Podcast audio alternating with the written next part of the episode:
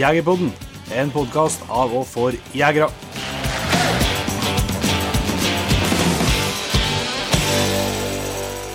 Hjertelig velkommen til en helt ny episode av eh, Jegerpodden. Eh, Det høres mer ut som vi lager en podkast for eh, folk med stemmevansker og luftveisproblemer, Jon Ingevik, men vi, vi gnur nå på for det. Ja, det, du kan kalle det podkasten mye rart nå for tida. Penicillinpodden eller Antibiotikapodden eller PP. det, det er skranten form redaksjon for tida, ja. Det- jeg kan i, I løpet av Jegerpodden sine mange år på lufta, så kan jeg ikke komme på at det har vært så galt noen gang når det gjelder eh, stemme, nei. Nei, eh, det er halvskummelt å drive podkast uten stemme. Men eh, heldigvis så har vi et opptak i dag òg som eh, vi gjorde når stemmen tross alt var, var har det Kanskje vært bra, stemmen vår, da, men eh, de har i hvert fall vært litt mer velfungerende uten at, det, uten at svetten spiler så fort en prøver å prate litt. ja. Men uh, vi skal altså ha en litt, uh, en litt spesiell episode av Jegerpollen. Alle- episoder er vel spesielle, men uh, vi har vært på besøk på Støren. Og truffet en kar der som heter for uh, Dag Ole Vard, som er en av to lærere som har en ganske unik jobb i Norge. Da, for at på Støren der finner du den landsdekkende den landsdekkende linja for dem som ønsker å bli børsmakere. ja. Og det er jo et yrke som eh, vi av og til må, må benytte oss av. Ja, vi og mange med oss, vil jeg si.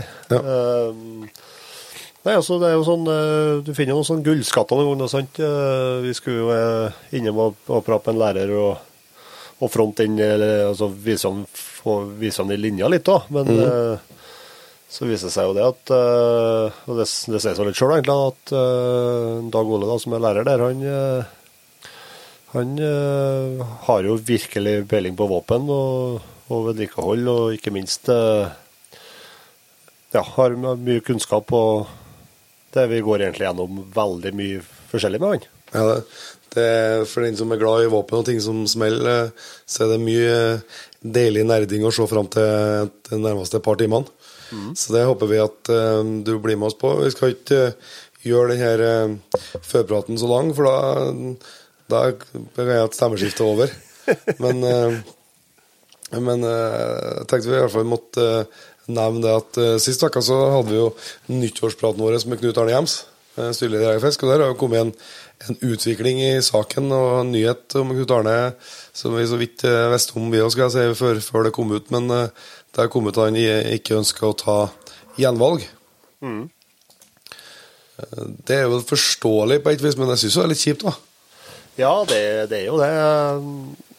Det er ikke noe eh, tvil om at Knut Arne har gjort en kjempe, kjempejobb for, eh, for Jeger og Fisk, og har fronta mange gode saker. Eh, Det, det, og det, tror- det tror jeg liksom det gjengs over at, at alle oppsyns syns òg. Ja, inntrykk av at det er mange som er Altså, alle, alle gleder vi aldri gjort laks, selvsagt, men, eh, men jeg syns at uh, jevnt over så virker til å ha stor støtte, ja. Også en eh, Jeg syns virkelig han er en Han er en god frontfigur for oss jegerne, da. Og, og snakker jegerne sin sak godt.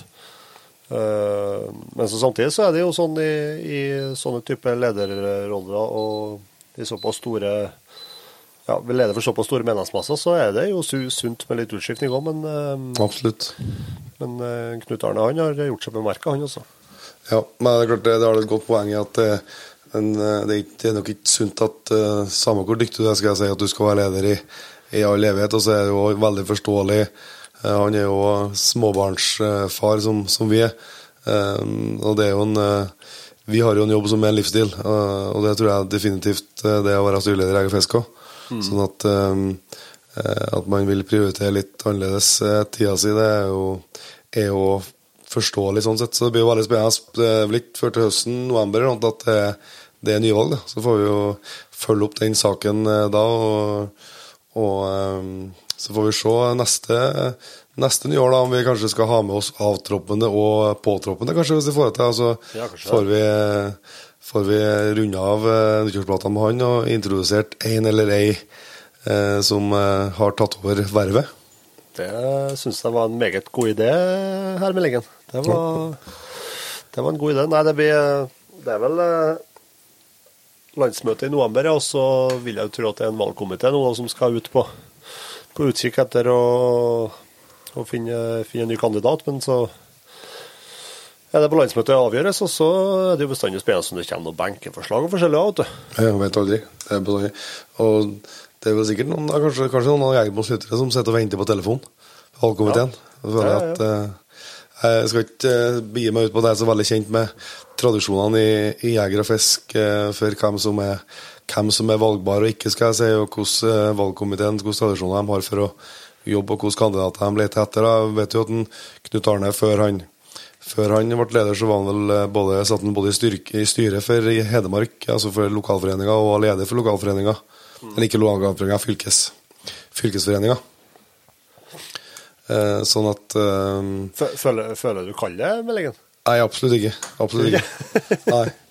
Nei. Jeg tror det er mange som kan gjøre en, en langt bedre jobb enn en hva jeg er i stand til, å ikke minst eh, kjenne organisasjonen Jeger og Fisk uh, og langt bedre enn hva jeg gjør. da. Så, men det blir spennende å se hva som, uh, hva som skjer. Jeg tenkte i hvert fall det var naturlig å nevne det når vi hadde den med som gjest så tett innpå at den nyheten sprakk. da. Eh, og så tenkte jeg nå at jeg skulle tipse om eh, at eh, billettene til Jegerpodden Live under Camp Villmark 16.3 de går jaggu unna i et voldsomt tempo. Ja. nesten litt skummelt, skummelt fort med tanke på stemmen. Men nå tror jeg at det går an å, å prate som folk i en måned, måned fram i tid. Da, men. Det, I fjor og i år så kommer dere Camp Villmark fryktelig fort. Det. det, det. skjer ting når de flytter til før i påsk. Eh, så det, men eh, billettene ligger ute, og det, det, er vel 500 billetter som er lagt ut? Yep, stemmer. Så det Det har jo faktisk vært utsolgt de to første årene. Ja, det, med 500 billetter, så det kan jo hende at det blir det i år òg. Hvis du er sikker på å få det med, så trenger jeg ikke å være så voldsomt lurt å sitte på gjerdet. Det kan jo plutselig stoppe på, selvsagt, da, så at det ikke kommer en sjel til. Men, men det er i hvert fall sikkert da, hvis du bestiller. Ja, ja.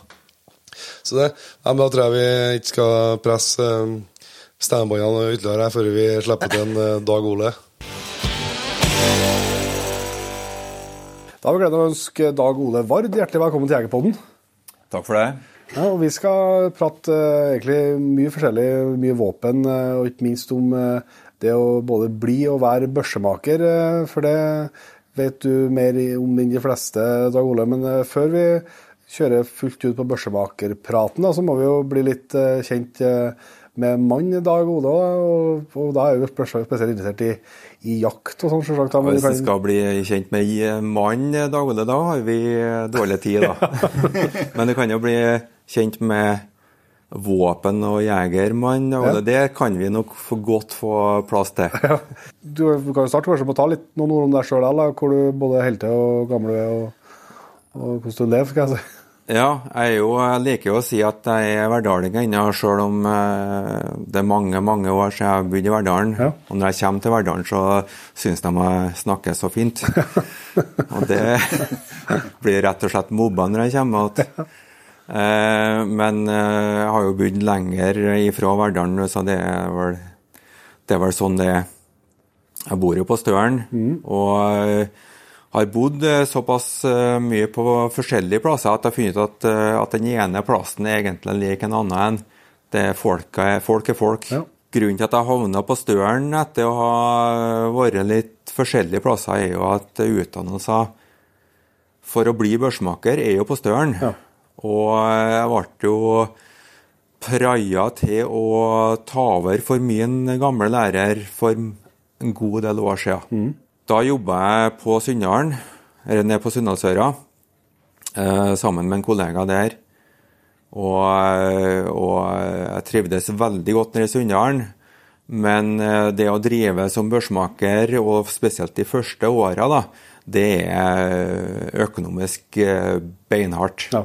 Det er bra at en er ung og dum når en skal starte opp noe nytt. for at Hvis en har visst hvor mye arbeid og hvor, hvor smalhans det er, da, så hadde han sikkert aldri funnet på å gjort det. Nei. Det som øh, viste seg, at han måtte jo finne på noe, noe annet å gjøre. Det løste seg sjøl, fordi at øh, min gamle lærer han var jo godt voksen når, øh, når jeg slutta på skolen, og måtte jo ha en etterfølger. Og de eh, Utrolig nok, jeg måtte ha gjort noe rett, for han tok jo kontakt Ja. og lurte på om jeg kunne tenke meg å være lærer. Ja. Først på deltid. Veldig liten stilling, så at eh, det var jo helt åpenbart. Jeg kunne jo ikke være lærer bare bare da. Så jeg pendla mellom Sunndalen og, og Støren. Okay. Og for dem som er kjent med veien, da, så er det Vet dere at det er ca. to timer kjøring da, i, og vekslende vær og føre kan det være. Ja, veien fra Oppdal ned til Sunndalen er jo flott, fine fjell og alt det der. Men eh, Oppdal-Støren, den blir du lei. Så må en jo stikke fingeren i jorda og si Se da, hvor tjener han pengene? Hvem er den beste arbeidsgiveren? Og da ble nok undervisninga tok eh, var den, den beste betaleren, da. Ja. Og da fant jeg ut at uh, vi må nok uh, kanskje etablere oss uh, med en liten virksomhet på Støren. Så jeg har et verksted på Støren nå, og så er jeg, underviser jeg på børsmakerlinja hoveddelen av uka, og så har jeg en og en halv dag på eget verksted. Ja. Og det er en fantastisk fin kombinasjon. Treffer mye folk på skolen, får den sosiale biten der, og så kan jeg grave meg ned blant våpnene på eget verksted. Og, tid for seg selv. og det er jo fantastisk, da, for det at, eh, at eh, jeg har jo holdt på med dette i Jeg regna i går, for at jeg måtte jo ha noen, som noen tall å komme med i, i dag. Jeg har holdt på med dette etter at jeg tok eh, fagbrev, svennebrev, da. Har jeg holdt på i 31 år. Ja. Og så kan jeg ennå, veldig ofte, da, så jeg er jeg ferdig når jeg er ferdig på jobb, så er jeg sliten i hodet, jeg er lei og skal ikke klype i ei børse på en god stund. I hvert fall ikke før dagen etter. eh, og så kommer jeg til Har jeg spist maten min, og så har jeg satt meg litt nedpå og kanskje duppa bitte grann, Og så finner jeg fram et eller annet våpenrelatert på, på nett. Ja. Og studerer litt igjen, da. Og det etter å ha holdt på i over 30 år. Ja. Men det er jo ganske, det er jo ganske unik eh, stilling du har, da, for at eh, det er jo ikke, mange lærere på skolen her, og det er jo den eneste plassen i Norge at, du, at Ja. det er børsmakerlinje. Det er eneste plassen vi underviser børsmaker, så det er jo en såkalt landsdekkende linje. Eh, og lærere som underviser faget, er det bare to av. Ja. Det er jo jeg og han, min kollega Lars Aksel Nygaard. Så at vi er en eh, liten, eksklusiv gruppe. Og, det, og jeg har jo en eh, luksus eh, med å, å jobbe med det jeg bortimot aller mest interessert i. Ja. Eh, I en periode eh, så var det kun våpen som, eh, som var interessant. Ja. Eh, der er jeg nok ikke lenger. Og det- du måtte justert litt? grann. jeg måtte justert litt grann, fordi at det er ikke sunt å være så gjenspora som jeg var. Den børsmakeren som er så gjenspora etter 30 år, er ikke, har det ikke helt bra, tror jeg. Og jeg vil påstå at jeg har det helt bra. Men det var det den, var det den genuine interessen for våpen som gjorde at du, du valgte å, å gå for den utdanninga tilbake? da? Mm. Absolutt. Men Var den interessen liksom i utgangspunktet drevet av jakt, eller var det Ja, det, skyting? ifra, ifra eh, ung barndom da, så var det jo jaktbiten som dro meg til mot våpen. Ja. Eh, Da var ikke konkurranseskyting interessant. Nei. Det kom, den kom senere. Ja. Men Hva var det som starta jaktinteressen din? da? Er du født og oppvokst? Det er litt, litt eh, det, altså, Jeg kommer jo fra en familie som har drevet med jakt, men ikke genuint interessert i jakt. Nei. Faren min kommer jo fra, fra ei fjellbygd i Verdalen, Mm. der at jakt var en, en, sikkert en, bortimot en livsnødvendighet. Ja. Men hans tilnærming til våpen og, og jakt var nok på et helt annet tilnærming enn hva jeg har. Ja. Mm. Mer drevet av nødvendighet. Så jeg vet egentlig ikke hvordan min Altså, jeg vil påstå nesten ekstreme interesse for, eh, for uh, våpen og jakt. da. Og etter hvert mer imot våpen enn jakt. Ja. Og det er det kanskje Det er der en fin balansegang, da. Men det å være passe interessert i jakt og passe interessert i våpen Er du for interessert i våpen, så blir du kanskje for lite lydhør overfor kundene sine behov i forhold til jakt. Ja. Og motsatt. Og er du motsatt for interessert i jakt, så ser du ikke annet enn din egen jakt. Nei. Og jeg vet mange av mine kolleger som ofte blir veldig kort i faget. da. De er genuint interessert i jakt, men har det veldig vondt på høsten, for at da er det jo mest å gjøre, og de skulle gjerne vært ute sjøl. Ja. Og så får de minimal tid til å pleie sine egne interesser. Ja. Det er en sånn en balansegang, det der, ja. Ja, og der, eh, det er det er en balanse som er Du kan ikke bestemme deg for den. Du kan være bevisst den, men, men interessene de eh, bobler og går litt av seg sjøl. Ja. Ja, men det, men sånn, det tror jeg jo at det er mange som kanskje ikke tenker over så mye, men det er så ofte som, som jeger. Da, for Vi snakka om det, altså at det er, jo, det er jo veldig forskjellig fra jeger til jeger hva, hva det er som driver. Altså, kanskje Tradisjonelt er det jo, det er jo fortsatt en del også, som, som gjør det kanskje rent som en kall nødvendighet eller matauk. da. Ja. Eh, Det var kanskje enda mer av det før enn det er i dag. Men, Altså, det er nok færreste som, som er nødt til å jakte for å overleve. Berge seg, ja. Eh, For å berge, ja. Altså, det, det, det er nok flere som må gjøre det for å overleve mentalt. ja. Meg, jeg kjenner meg igjen. Ja. men eh, men eh, den matauk-biten er nok eh, kanskje mindre eh, viktig. Men den er viktig for å, å holde eh, jakta og vår interesse for, eh, for jakt har legitimitet. Ja, ja, ja. For hvis vi bare jakter for å jakte, hvorfor, skal vi, hvorfor skal vi gjøre det? Ja, og så er, så er det andre igjen som, som har inntrykk av kanskje eh, driver med jakta fordi at de er veldig interessert i å lage eh, mat på en måte, og ha Ja. hele reisen. Og så er det noen som egentlig, eh, som du snakker om, kanskje er mer interessert i våpen eller kaliber og kuler og krutt enn egentlig jakta. Men, Ja.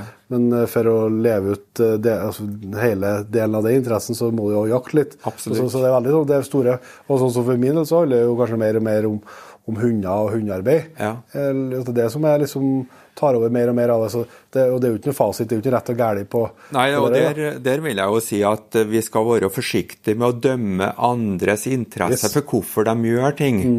Fordi at det kan være rett for akkurat Ja, den. yes. Eh, og der eh, har jo noen som nesten driver med cosplay. Mm. De kler seg ut som en The Great White Hunter Ja. For å leve ut den drømmen. Og det er jo helt innafor, det. ja, ja, klart det. Klart det. Men hva, hvis du tar oss med til historie om ditt første vilt, da, som du sjøl, mitt, kjenner på? mitt første vilt, det er forelda. Saken er forelda, så derfor kan jeg si det. Og det var så Det er en, det er en episode en sensommer, strengt tatt før jakta.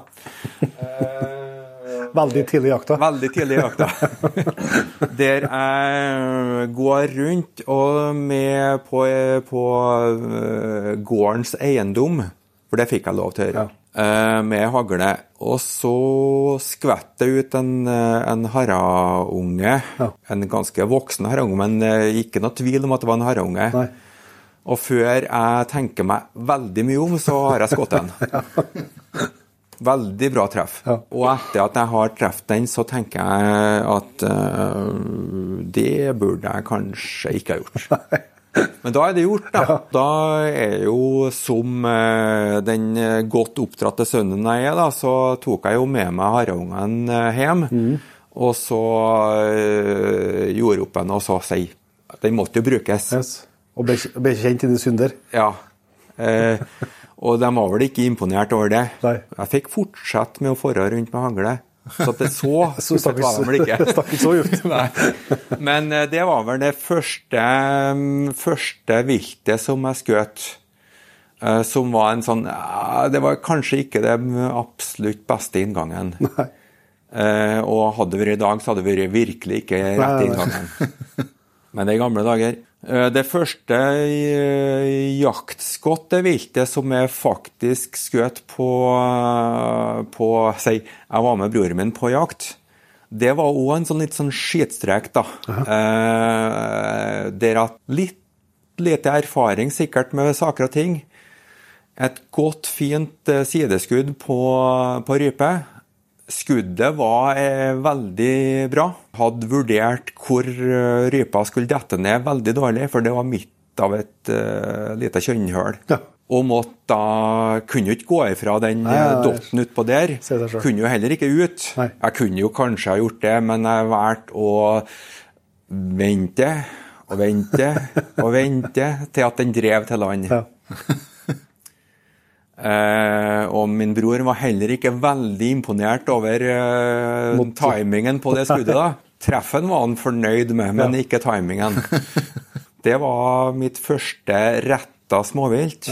Og mitt første Ja, der at jeg fikk avslutt, da, for at, eh, at der hadde jeg fått hjelp da, med å begynne på en hjort. Eh, der fikk jeg Mitt første møte med hjort var en ordentlig pangstart. Eh, fordi at eh, det var en hjort som ikke visste han var død ennå. Ja. Eh, han skulle egentlig ha, ha Avgått. avgått med døden. Første skuddet var dårlig. Det var virkelig dårlig. Og så gikk han etter første skuddet og, og på eh, neste person, som fikk på først et nytt dårlig skudd. Han så at han var påskutt, så han, han sjansa. Fikk et nytt dårlig skudd, og så fikk han på et godt skudd. Ja. Og han så at det var et godt skudd. Ja. Og da tenkte jeg som så at eh, det var 9364 og godt sideskudd. Skal ikke være mulig at dette nå, det dyret kommer til å legge seg ned. Så vi ga det litt tid til å legge seg ned, og så førte på med hund. Og det la ikke seg ned. Nei. Det var helt klart at her måtte, måtte vi ompostere og så finne ut alle utgangene fra det området. Og jeg sto jo på en av dem og hørte at det kom eh, dyr. Og det kom jo den hjorten, da. Ikke kronhjort, men, men veldig, veldig nærme. Elvetager. Og vi så hverandre omtrent samtidig. Jeg visste at den kom, men vi så hverandre omtrent samtidig. Ja. Og da var det tre imellom. Det er ikke helt uvanlig. Så jeg tar opp børsa og har dekning på alle retninger, unntatt at den går bakover. Ja. Og satser på at den ikke går bakover. Det gjør de sjelden. Det gjør de, gjør de sjelden.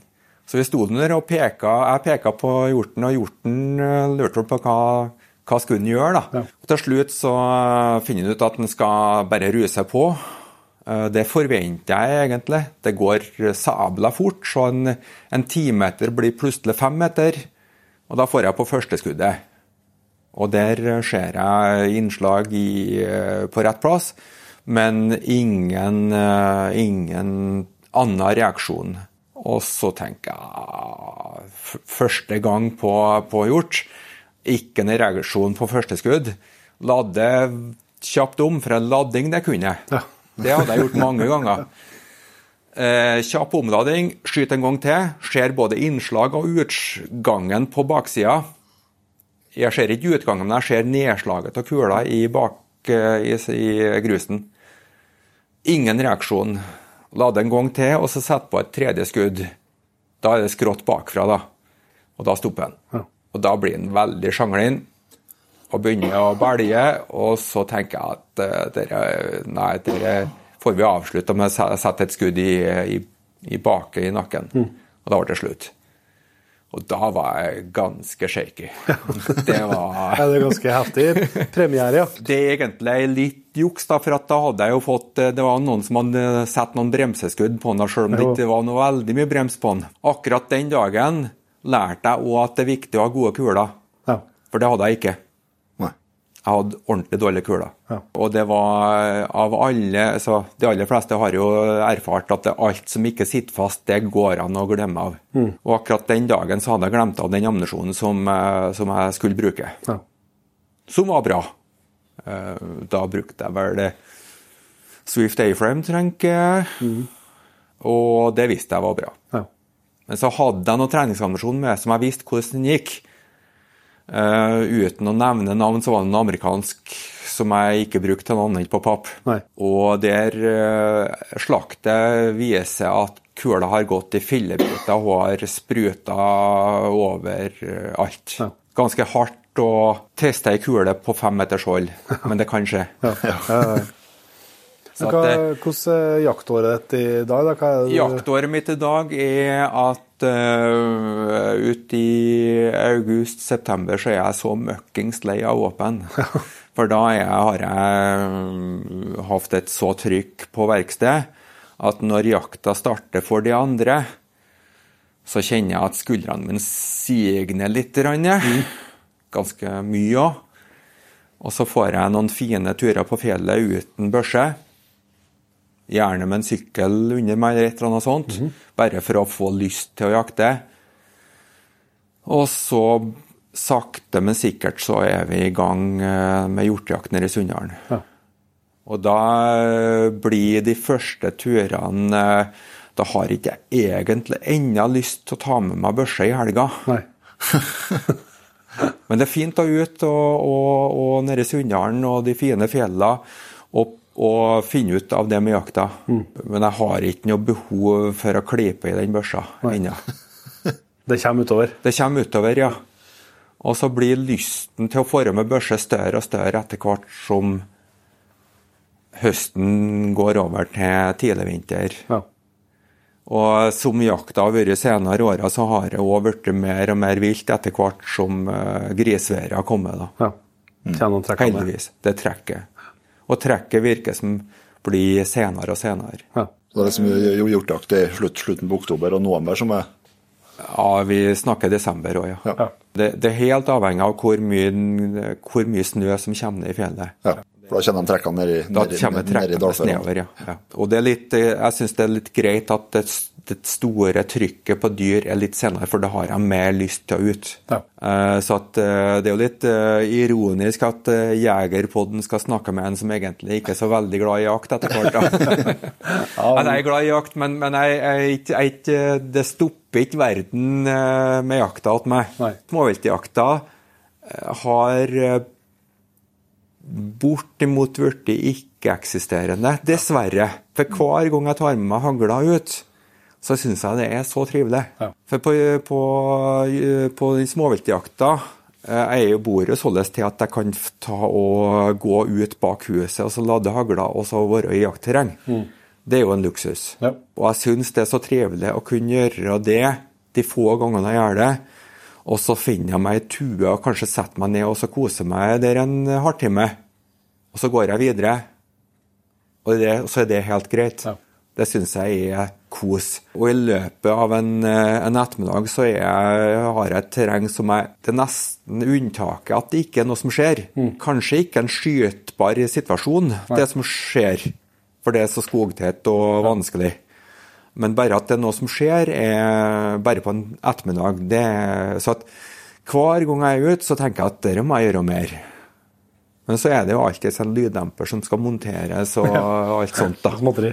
Noe småtteri som, eh, som må gjøres. Ja. Og det er litt dumt, men det, det er noe dumt som en, en styrer litt sjøl òg. Ja. Jeg skjønner jo at, eh, at eh, jakta har justert seg litt etter hvert, da, men, eh, men våpeninteressen er jo eh, Da er jeg jo nysgjerrig på hva du har i våpenskapet. Du, du ser jo på mye våpen og tar på mye våpen og, og holder på mye våpen. Hva er det du liksom har landa på sjøl? Ja, jeg har jo, jeg har jo Politiet syns jeg har nok våpen. um, og det er jo det, det har jeg jo, for at strengt tatt av de våpnene jeg har, så bruker jeg to. Ja. Så jeg har vel sikkert eh, nok våpen. Men eh, som du sier, så er jeg jo genuint våpeninteressert ennå.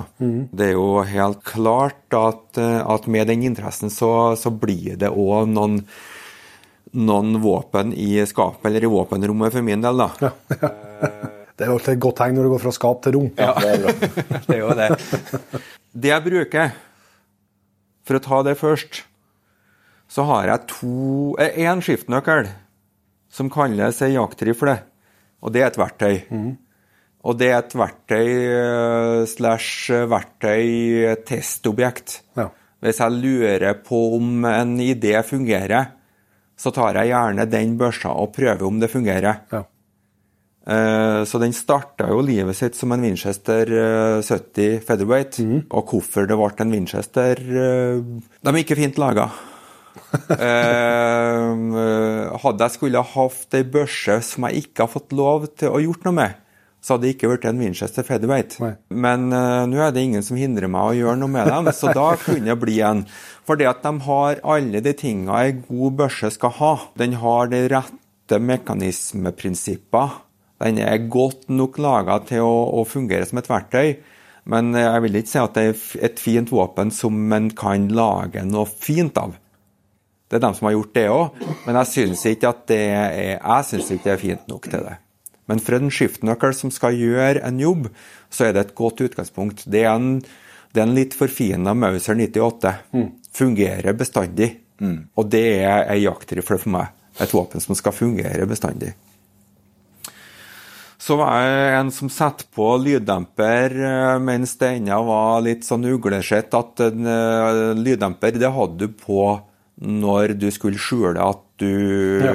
var på jakt. Og det gjorde du når du var på tjuvjakt. Ja. Jeg setter på ikke fra bruket, for jeg skulle ikke ha en lydpotte på det. Jeg skulle jo ha en smell. Jeg ja. skulle ikke være kriminell. Eller småkriminell. Jeg setter på lyddemperen, og så fant jeg ut at det sævla her var behagelig. det. Mm. Så der, eh, den lyddemperen har vært på børsa etter det, men eh, løpet har blitt kortere og kortere. Ja. Nå er det ikke så mye mer å Nå er det to millimeter lenger enn det den strengt tatt må være. Ja. Uh, det, det, er ikke, det, er ikke, så mye klaring i det forskjeftet heller, så jeg. Nei, det er ikke det. Men forskjeftet kan gjøres noe med. Ja. uh, og så når da vi har maksimal eller minimal pipe, har du rett å si, da, i et kaliber som er litt odd for det, det er så uvanlig at uh, ikke finner du hylser og ikke finner du ammunisjon. Da, og fremdeles skal du bruke. Hvilket kaliber? er det er en 358 Winchester. Aha. Som eh, hvis vi skal overføre til litt mer europeiske kaliber, så er det det som svenskene kaller potatiskasteren, som er da den 9357. Ja. Som er en litt slapp utgave av 9362. Ja. 93 bruker litt større kule på en litt lengre hylse, men kulevekt og alt gjør den egentlig på akkurat likeens. Ja. Det gjør den da på 308-lengde hylse. Ja. Jeg bruker da ei 308-hylse og, og um, plukker den ut til ei 358-kule. Ja. Ja. Med den jakta jeg driver, så vil jeg nesten Det er en grunn til at det ikke er ideelt. Og det er at jeg kan ikke kjøpe ammunisjon. Den må lages. På alt annet så er den ideelt for den jakta jeg uh, gjør. Da har jeg en Med min uh, skyteferdighet så har jeg en maksimal effektiv eh, rekkevidde kanskje på 180 meter. Ja. Nede i Sunndalen så er 180 meter det er, skjer, det er langt. så at eh, Av de hjortene jeg har skutt, det har ikke vært så veldig mange, da, men jeg har jo skutt noen. Det, jeg vil tro at det lengste holdet jeg har skutt på, er 40 meter. Og da er en krum kulebane er ikke et problem. Nei. Så får du en ganske tung kule som ikke med lav hastighet. Bruker, jeg bruker 250 grens uh, Oryx, ja. og det er ei veldig tung kule med veldig lav hastighet. Mm. Og du kan dødelegge ikke kjøtt. Du, du kan spise inn til hølet som kula er laga. Mm. For du får et høl, og så får du ikke, men du, du, får, du, du, får, ikke mye mer enn det. Nei. Du får ikke noe blodtress. Så. så du får ikke blodtress, du får eh, gjennomskyting, og du får en stor sårkanal der kula har gått gjennom. Ja. Så du får en god kombinasjon av dybdevirkning eh, bortimot knall- og falleffekt eh, uten eh, ødeleggelse. Ja. Hører mye snakk om blodtress og, og Oryx. Mulig at det er tilfellet, men ikke i den kombinasjonen jeg kjører. Nei. Og der, der, er det jo den genuine våpeninteressen da, som kommer inn. Fordi at skal du være fornuftig i alt. Altså, ja, det er et bra kaliber, og alt det der, men 308 gjør jobben. Mm. 6,5 gjør jobben. 306 gjør jobben. Og det kan du kjøpe i butikken. Overalt. Overalt. Mm. Så, eh, men du må ikke være altfor rasjonell på alt i hop. Du må gjøre noe som du har lyst til. Livet er for kort til det, gitt. Ja. Så at, eh, at det kalibervalget er vel kanskje det mest spennende med hele børsa. Og så, som alltid, da, så må en jo prøve noe nytt, og, og noe av det jeg har forska ja, Det høres forskning ut som at jeg, jeg har gjort veldig grundige undersøkelser og alt det der. Har jo ikke det. Men prøve en del ganger å gjøre ting som ikke alle andre gjør. Så jeg har jo et, eh, et karbonfiberskjefte som jeg har laga sjøl. Og det hele starta med ønsket om å prøve å lage noe som er eh, så lett som mulig og sterkt nok. Ja. Og den starta jo Det første året jeg brukte den, så var den 220 gram ferdig til å settes på våpenet. Med kolbekappe? Med kolbekappe og bedding. eh, og det er jo helt kriminelt lett. Ja. Eh, så vi brukte den eh, det året, og så fant jeg ut at jeg har nok tøyd strikken langt nok ja. i forhold til, til, styrke. Men da kommer da det som jeg har etter hvert funnet ut, at karbonfiber er så fleksibelt med at du kan lage Du kan legge til styrke der du ønsker styrke, uten å nødvendigvis gå opp på dimensjonen. Ja. Så etter hvert så har jeg mm, lagt på materiale på noen kritiske punkter for å gjøre rekylopptaket sterkere. Ja. Og så er den like tynn og spinkel på de plassene der at det ikke er noen belastning. Ja. Så, så, hvis du klemmer på børsa på enkelte punkter, så gir, uh, gir den etter. Ja. Men det er helt greit, det. ja. Trenger ikke å klemme på de plassene. Så uh, ellers uh, er det litt det, Den bærer preg av at det er en børsemaker som eier den. For at det, det er gjort akkurat nok til at det fungerer, og det er prøvd ut mye med den. Og så er den passe rask fordi at, at det er et forsøksobjekt. Ja.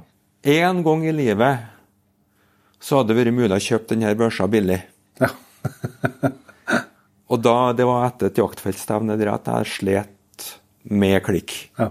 Og da tenkte jeg at ei børse som klikker, kan ikke brukes til jakt. Nei. Så da gikk den børsa skitbillig.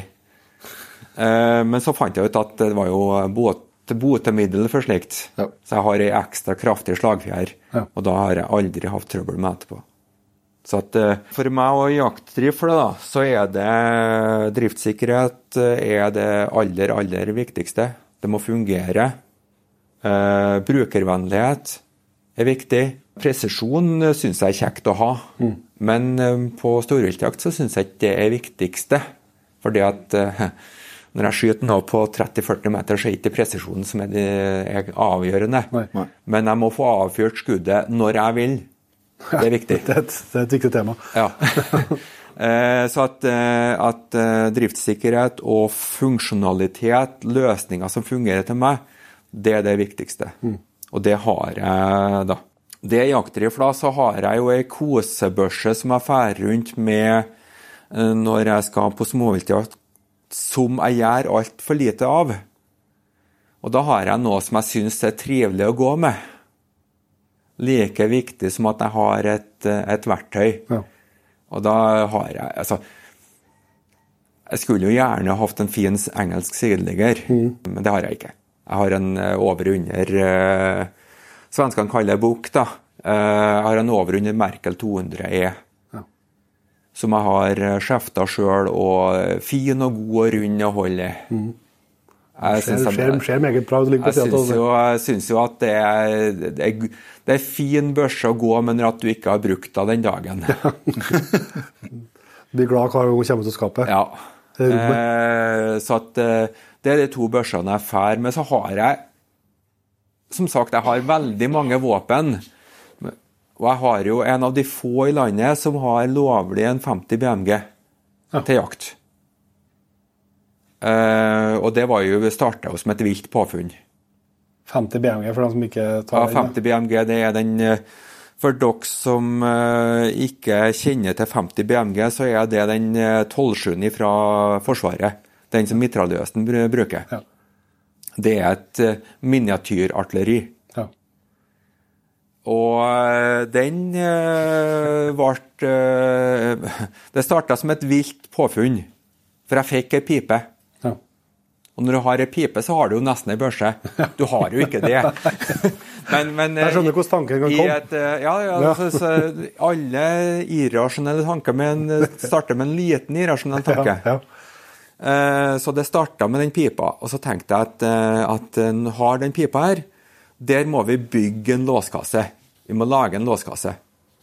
Det går an å kjøpe en låskasse, men, men dette var en av de, de, av de første årene jeg drev som børsmaker, og da kunne du ikke kjøpe en 50 BMW-låskasse.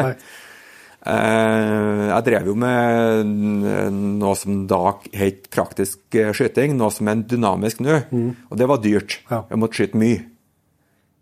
Og da var det prioritet eh, skyting, mat, og jeg kunne ikke ete mindre. Skyting mindre, det var uaktuelt. Eh, Så at jeg måtte finne den nest beste løsningen, og det var å bygge en låskasse. Ja. Fant tegninger på en amerikansk eh, lås. Jeg tok eh, dimensjonene ifra den, og så bygde min egen lås. Og så fant jeg ut at den pipa jeg fikk, det var jo en grunn til at jeg fikk den, var en bars. Det var jo en dårlig pipe. Ja. Og da hadde jeg ei låskasse Og en dårlig og ei pipe. dårlig pipe. Ja, men da tenkte jeg, da har jeg jo nesten ei børse. Så jeg kjøpte ei Lilja-pipe fra USA. Og for dere som ikke er kjent med gode piper, da, så er Lilja ei god pipe. Ja. Den nevnes blant de verdens beste piper. En av de få som kunne levere 50 BMG på bestilling. Ja. Det tok lang tid. For de hadde jo ikke 50 BMG-pipe i hylla. Nei. Den måtte jo lages. Tok lang tid, kosta masse penger. Eh, Men jeg hadde jo en låskasse som ja. måtte ha ei pipe. Selvsagt. Det sier seg sjøl. Det sier seg sjøl. Litt mindre mat. Eh, fikk pipa, fikk montert den. Og så fant jeg jo ut at pipa er jo gull. Låskassen ja, kanskje ikke så veldig god. Nå hadde du bra pipe. Nå hadde jeg veldig bra pipe. Og da resulterer det i en revisjon av låskassen. Fant svakhetene i låskassen, og så laga jeg en eh, ny låskasse. Og da kom jeg i mål. I, i konklusjonen eh, med at pipa var dårlig, det var at jeg fikk jo ikke børsa til å gå. Nei. Og jeg fôra den med veldig mye, mye forskjellig. Eh, og mye dårlig ammunisjon, men dårlig ammunisjon er lik dårlig presisjon. Ja. Jeg brukte eh, amerikanske matchkuler, Amax fra uh, Hornady.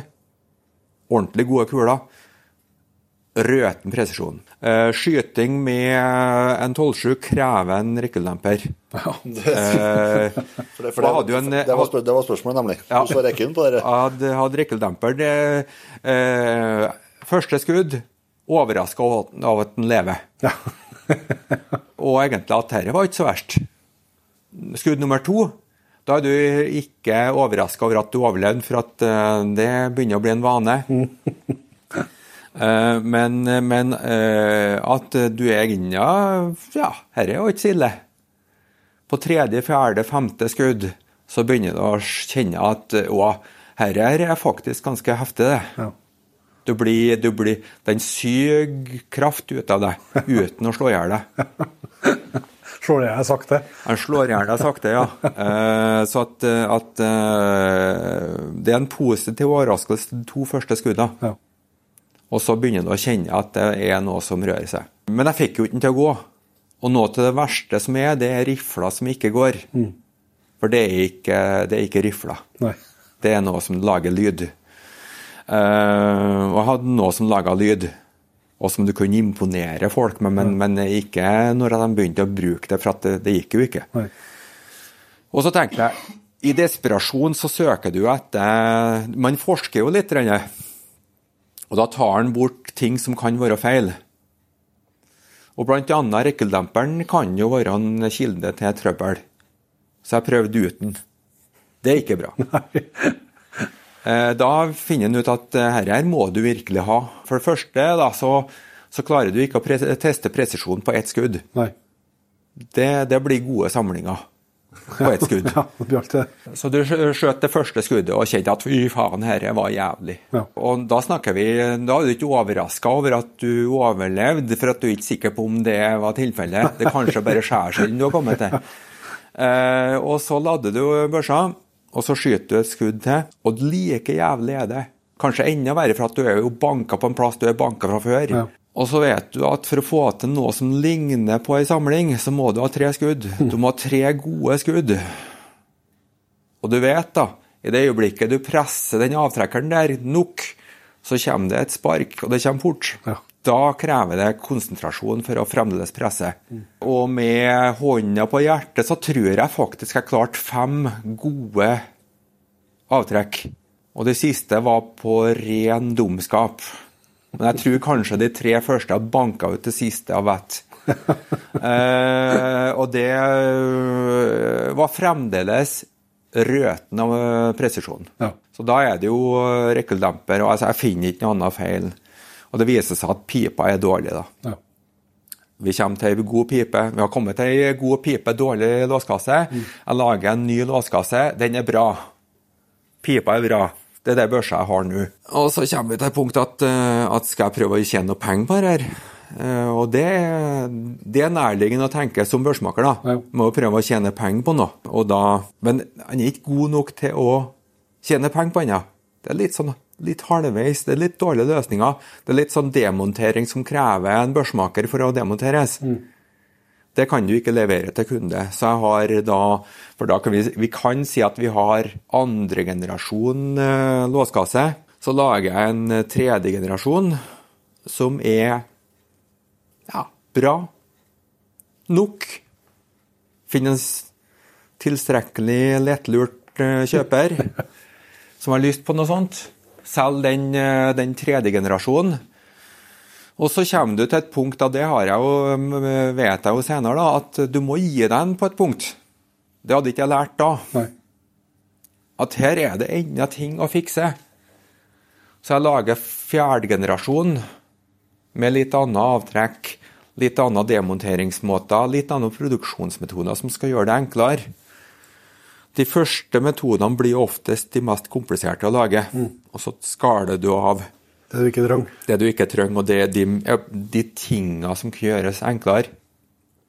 Så fjerde generasjon, så får jeg enda en lettlurt uh, kjøper. Og så finner fin, eh, myndighetene ut at uh, dere der vil vi ikke ha noe av. Eh, om det er fordi at jeg har begynt å selge, eller om det begynner å, importeres litt fra USA, det er jeg litt usikker på. Men det blir, begynner å bli noen få slike våpen ut der. Og så ser jeg at de begynner å skreddersy en lov for å få bukt med BMG. Og så er jeg litt i kontakt med, med politiet. Først lokalt, og de kan ikke eh, svare meg, og de eh, henviser meg til med POD. Om eh, det går an å skreddersy en patron som, der 50 BMG ikke kan brukes, men du kan bruke 50 BMG hylser. Ja. For da å unngå at militær ammunisjon kan brukes. Ja. Det er de ikke interessert i. De vil ikke ha det. Og Det fører da til en lov som, eh, som sier at alle kaliber som er basert på eh, 50 BMG, er eksplisitt ulovlig. Men ikke tilbakevirkende kraft. Nei. Derfor så har jeg en 50 BMG i våpenrommet som henne hender bruker. Ja. Eh, men etter hvert så syns jeg rekyl er oppskrytt. Ja, jeg er helt enig med deg. Ja. Eh, så at eh, det er ikke den børsa jeg, jeg Den bruker jeg kanskje aller minst, men som jeg har et forhold til fordi at jeg har utvikla den sjøl. Klart og jeg syns det var Jeg er veldig glad at jeg ikke lar fornuften eh, Seire. seire så ofte. Hvordan er det med anslagsenergien eh, hvis dere har truffet en, en, en, et, en hjortehud? Ikke noe problem. Nei. Eh, for at det er et, et energioverskudd som går i det som er bakfor. Ja. Så det har ingen betydning at det er en 50 BMG eller om det er en 6,5. Nå har ikke jeg skottet gjort men da. eh, for at jeg drar ikke ned i lien i Sunndalen med den der. Du kunne svart at det vært en ekkerkant og, og gjort det der. Ja. Men, eh, men eh, For det er litt å dra med seg, sikkert. Ja. Det har skutt bever. Ja. Eh, det må nok sies å være overkill. eh, men beveren var ikke mer død Nei. enn en annen bever Nei. som er skutt av noen annen. Nei. Han var heller ikke mer ødelagt. Min erfaring med, med ødeleggelse, i den grad jeg har personlig, så er det begrensa, men jeg har jo sett en del, er at ødeleggelse er mer basert på hvor mange skudd du har satt på dyret, og hvor eh, mange plasser du har satt i skudda. Eh, Det er veldig basert på hvor godt kula henger sammen når den treffer, og på tur gjennom. Og så Hva den treffer, og hva den og hva den treffer. Ja. Hvor godt det henger sammen. Og hvor stor hastighet den eh, hadde når den traff. Og 50 BMG er egentlig bare en stor 306. Ja. Eh, og har du ei kule som holder sammen, så gjør han Altså klart, han har jo ei større kule som skal gjennom, så han må nødvendigvis ha plass til den. Men han gir ikke noe mer væsketrykkskade enn noe annet. Nei. Og Du får, du får nok gjennomskjøting. Gjennomskyting, heldigvis får du, for da går mest av energien ut på andre sida. Hadde du skulle avlevert all energien i dyret, så hadde det nok vært en helt annen sak. Eh, Men jeg tror ikke det er noe som stopper en fra gjennomskyting. Nei. Eh, Men eh, nå er det Jeg må jo si at alt jeg sier nå, er basert på veldig mye antakelser. Som de aller fleste som snakker om effekt i vilt, gjør. For de aller fleste har ikke nok erfaring sjøl til å ha vært bastant Nei, det i den konklusjonen. Nei, det er og bra kan du si det, for at jeg har tatt livet av mye artige diskusjoner. Ja. Men, eh, men det er jo et, eh, det er et godt poeng, for akkurat i den eh, verden der, så, så, er, det jo som Vi har kanskje ikke helt kontroll på alle parametrene vi skulle Nei, nei. tatt med heller. Og spesielt når du, du tok med noe som er veldig viktig, da. Hva treffer du Mm. i dyret? Det, blø, treffer du bare bløtvev, så er det en helt annen sak enn om du treffer en kombinasjon av bløtvev og, og bein. Og hvordan, bein, Yes. Mm. hvordan vinkel, hvordan kuleform. Alt det der har betydning. Yes. Og du, du, du kan ikke få nok mange situasjoner til å konkludere. Nei, så tror jeg det er altså en situasjon som, som man kan utenfra, eller når man tenker på den, det kan to situasjoner være helt like, men, men i så, så når det er så mange parameter, så blir de aldri helt like. Selv om de kan se veldig like ut. Eh, Et, et eksempel som underbygger den påstanden, er at når, når USA i sin tid valgte 45 ACP som, som pistolkaliber, så skjøt de på okser. Så tok de tida på hvor lang tid det tok før at oksen døde. Ja. Skjøt den på samme plass, og så tok de tida. Ja. Klinisk eh, objektiv vurdering. Etter å ha skutt x antall dyr, jeg har ikke tallet, så jeg skal ikke bevie meg Nei. ut på å gjette, men de skjøt veldig mange dyr. Sannsynligvis en del, ja. Veldig mange dyr. Med ulike kaliber. Beste og dårligste tid hadde 30 luger. Den beste tida ifra du skjøt til at den lå der død, Ja. og den dårligste tida. Ja. Alle skuddene resulterte i at vi vet ingenting. Nei. Og så på amerikansk vis da, så tenkte de større er bedre. Derfor så tar vi 45 ACP. Ja. del må- kan jo samtidig konkludere med at det var i hvert fall ikke dårligere enn noe annet. Nei. Og det kan jo være viktig i seg Ja, selv. ja, ja. Det, det, Eh, det, det er et pistolkaliber med litt futt i det. ja, det er i hvert fall masse moment. Den, den, den virker litt likeens som den 358 Winchesten jeg har, da. At den virker på moment i stedet for heste, hestekrefter. Ja.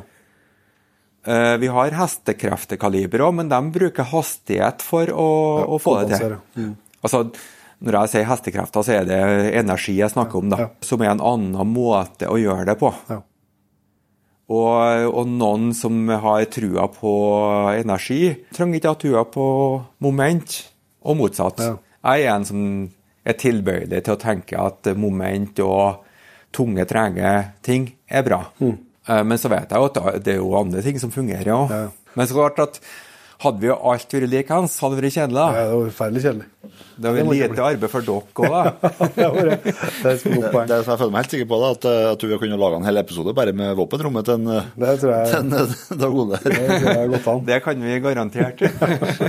Hvis vi går litt videre på eh, så litt rundt at vi er, eh, er jo liksom brukt børsemakerfaget og børsemakerlinja her på Støren, da, og kanskje kan det inspirere noen til å, til å slenge inn en søknad, men nå er det også et viktig litt som tema å få ut litt og informasjon om eh, det som ligger bak eh, det her svennebrevet og den kompetansen som eh, børsemaker du treffer rundt om i Norges land, har, har med seg. Da.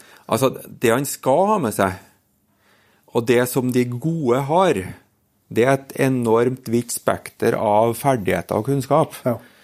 Eh, det finnes, eh, og det, der kommer den, kanskje den norske børsmakeren spesielt godt ut, er at han er en allmennpraktiker som kan veldig mye om veldig mye, Ja. men han er ikke ekspert på så veldig mye. Nei. Så hvis du sammenligner en norsk børsmaker med en sentraleuropeisk, en tysk børsmaker, eller en britisk børsmaker, en italiensk, en god engelsk eller britisk, tysk børsmaker kan veldig godt det de gjør. Ja. En, en isolert En del. isolert del. Og det er fordi at de har et så stort miljø at du kan være god på akkurat det å ha et, eh, et, eh, et levbart yrke. da. Ja, og så send neste del Ja. videre til neste. ja. Eh, Mens i Norge så er det ikke like store miljø, så at én og samme person må kanskje kan hele våpenet og flere våpensystem gjennom mange, flere, mange hundre år av utvikling. Det betyr at du er relativt god på ganske mye. Men skal du være på si, virkelig fingerspissferdighet på noe, Ja. så er ikke kanskje den norske børsmakeren den å velge. Nei. Eh, Du må En god norsk børsmaker skal kunne serve, tilby tjenester til alle som har våpen eh, til lovlig sivilt bruk. Det vil da si at konkurranseskyttere og jegere og samlere og alt det der, de skal få de skal få Det de eh, trenger. de trenger. Klart at noen børsmakere er bedre på noe, og noen andre er bedre på noe annet. Men Det går jo sikkert litt på interesse. Og, det går veldig mye på interesse. Sånt, ja. Og det går på hvor de er i landet. Er du nærmere større byer, så kanskje du får, eh, kan tillate deg å være mer spesialist på en nisje i faget. Ja. Fordi at du har større kunde... Altså du har flere kunder. Og flere kunder som er vant til å bruke penger. Det er òg en viktig poeng, da. Klart det. Men, eh, men akkurat det å være en allmennpraktiker som kan ganske mye om vel, altså, hele spekteret, det, er- det, det kan man forlange, egentlig. Ja. Eh, og tidsepokemessig så må vi, må vi kanskje spenne Altså, moderne våpen, da snakker vi 1800. Ja. Sent 1800 er helt fullmoderne våpen. Og fra vi kan si 1860-åra og nyere, da, da er det så nytt at eh, vi begynner å snakke om, om eh, registreringspliktige våpen i forhold til våpenlov. da. Ja. Vi har litt sånn vi har litt variert hva som er registreringspliktig, alt etter hvilket våpensystem det er. Ja. Men, vi- men vi snakker om moderne våpen, da. Ja. Og eh, i min praksis så har jeg våpen som er gått ned på 1700. Ja. Som fremdeles utrolig nok er i bruk. Ja. Og det er jo et privilegium jeg har eh, kan velge å si ja til fordi at jeg underviser på børsmaker, Mm. og, og har behov for å ha en bred forståelse av mange system. Ja. Det jeg jobber mest med sjøl, og det må jeg si det mm, Da må jeg prøve å være profesjonell, da. For interessen er ikke der. Nei. Jeg er ikke noe Jeg er ikke interessert i eh, luft, eller gassdrevet våpen. Nei. Altså luftgevær, luftpistol, til konkurransebruk. Altså, Én ting er det hvis det er til konkurransebruk, da kan jeg tvinge meg sjøl til å være litt interessert. Mm. For luftvåpen, gassdrevet våpen som treningsvåpen, det er helt fantastisk. For alt du gjør galt, blir du straffa hardt og brutalt for. Ja. Så der kan jeg tvinge meg sjøl til å bli si, bitte litt interessert. Ja. Eh, men, men jeg er egentlig ikke det. Det, skal, det må være litt skikkelig Det må være, det, det må være litt mer med det. Ja. Eh, jeg er jo universelt litt interessert i alt som sender vei et prosjektil, så jeg driver jo, jeg har jo skutt, med bue og alt det der òg. Men det er sånn ordentlig bue, ikke sånn eh, bare en kjepp med en eh, streng i. Nei. Eh, ordentlig er jeg interessert i. Så ordentlig, ordentlig eh, kraftpotensialet gir meg litt mer interesse.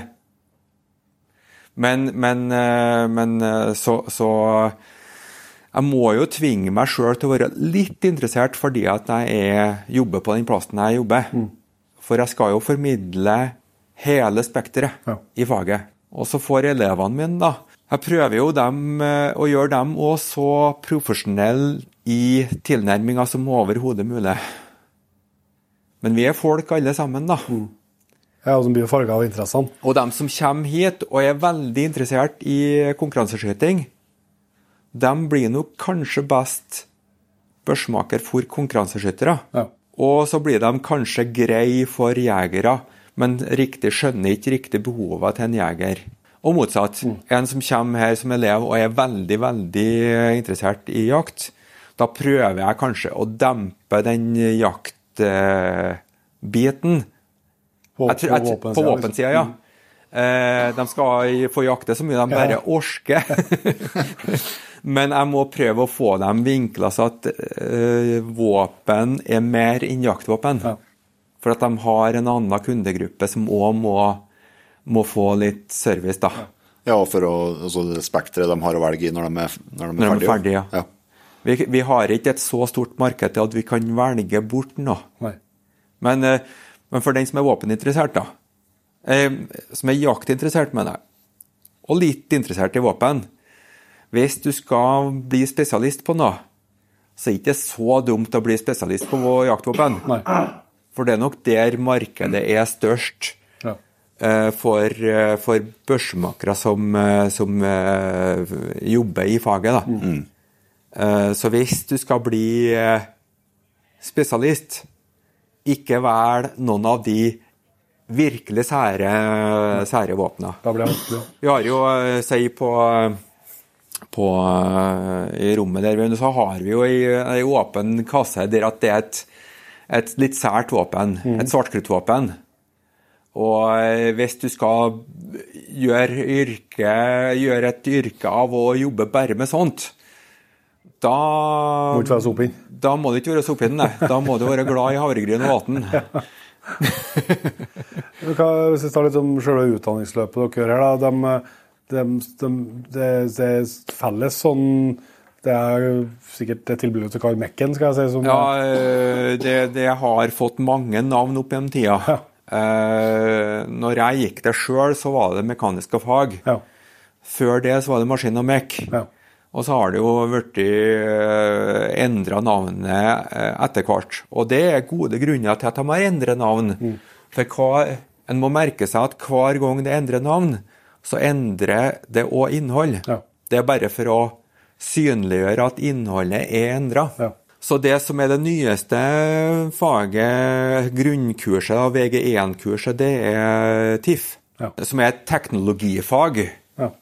Like mye som et, et mekanikkfag. Ja. Eh, og til dels høyteknologifag, da. Ja. Og, eh, og dem som underviser på TIFF, dem misunner jeg ikke jobben, fordi at eh, da skal det være virkelig Jeg sier at jeg har et bredt spekter innen våpen. De skal ha et enormt bredt spekter innen de teknologifagene. Ja. Og de skal begynne på et nivå som er Ja, det er bunnlinjenivå, da. Og der ser vi da at når eh, Og det TIFF-faget, eh, for å bli børsmaker, så kan du gå hvilken som helst TIFF i hele landet. Okay. Og så søker du til børsmaker.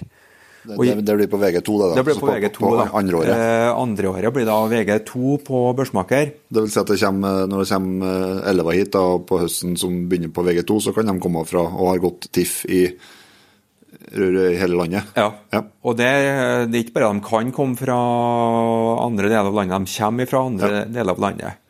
Og i år da så har vi eh, helt nord i Finnmark til Kristiansand. Ja. Og det sier eh, Vi hører jo det når det snakkes på verksted, så er det jo alle mulige dialekter. Ja. Og det er en fordel at, at Jeg vil påstå at det er en fordel at det som kommer fra alle deler av landet, eh, for det er ingen som kommer hjemmefra. Nei, nei. At alle stiller her egentlig på, på samme ståsted. da. Ja. Vi har veldig lite lokale søkere. Eh, og det er jo markedet for børsmakere i Trøndelag er ganske metta. da. Ja. Eh, Noen av dem er til og med ganske gode. Ja, for det, er børs, det er jo et verksted, børsmakerverksted på Støren, har jeg hørt. Ja, det er jo er nok det. Eh, jeg vet ikke hva, hva som er med ryktet hans, men, men eh, mange av dem er ganske gode, da. Hvor mange, hvor mange plasser er dere tilbyr i året? Ja? Vi tilbyr jo altså vi, På VG2 her så er det åtte. Ja. Og eh, i varierende grad blir den fylt opp. Tidligere så var det enorm søknad. Ja. Vi hadde bestandig 80, og noen ganger så fikk vi av ulike årsaker enkelte voksne elever som fikk eh, en eh, nærmest en, eh, en sånn hospiteringsstatus her, Ja. som ble da oppå Oppå- de åtte. Ja. Fordi at det å være voksen og veldig interessert, det er, mm, det er ikke enkelt, da. Nei. For du har ikke noen rettigheter Nei. som voksen interessert. Da er du interessant for videregående. Ja. Dessverre. Ja. Så at eh, vi har hatt eh, Vi har hatt eh, enda flere enn åtte. Eh, men dimensjoneringa på verkstedet er ikke, er ikke dimensjonert for mer enn at vi har åtte. Det kommer an på hvor mange som går videre til VG3. Ja. De som ikke klarer å skaffe seg læreplass. Dessverre er det en del som ikke klarer å skaffe læreplass Etter, det er etter VG2. etter VG2, ja. Eh, Så skal de jo ut i lære i to år, og det er ikke alle som får det. Da er, er vi pliktige til å tilby et VG3-kurs i skole, og da må de gjennomføre de siste to åra i løpet av ett år. Ja. Og de blir prøvd på samme vis som de som har tatt da to år i lære. Ja. Så vi anbefaler jo virkelig at folk kommer seg ut i lære. Ja. Det som liksom er førstepri. si. Det er førstepri, og, og egentlig plan B er å komme seg ut i lære.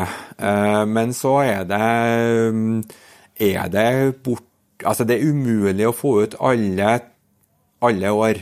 Men vi har eh, veldig variabelt hvor mange som går VG3. Ja. I år der at de tar unna veldig mange mm, til lære, så har vi kanskje én-to. Ja.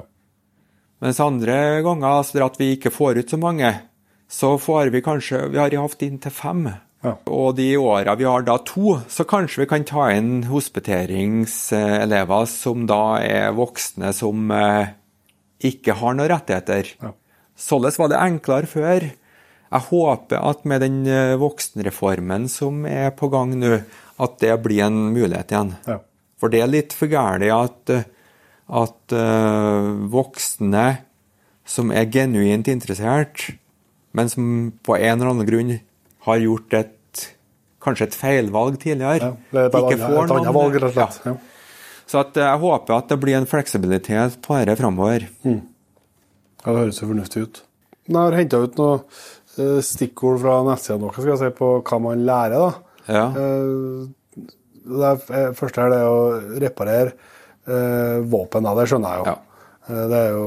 det skjønner man at Men så skal det jo produsere våpendeler og våpen Ja. som brukes til jakt og sportsskytter. Så jeg vil si at, eh, vil jeg si at eh, når du er, er ferdig her, da, så kan du få et bit med stål og en trekloss, og så skal du få litt våpen ut av det. Du, Det går an. ja. Det er nok ikke det mest lønnsomme konseptet jeg har hørt om. Nei, det skjønner jeg. Sånn prinsipielt, liksom. Men det var det jeg gjorde med, med den 50 BMG-en. Ja. Det var jo et starta jo med et stykke spesialstål. Ja. og ble et våpen. Og vi har hatt eh, elever som har gått skolen, som har laga våpen av et stykke stål Ja. mens de gikk her. Elever er like mangfoldige som eh, alle andre i landet. At eh, vi har noen med enorme ressurser, både kunnskapsmessig og ferdighetsmessig, og andre som har mer enn nok med å gjøre det grunnleggende.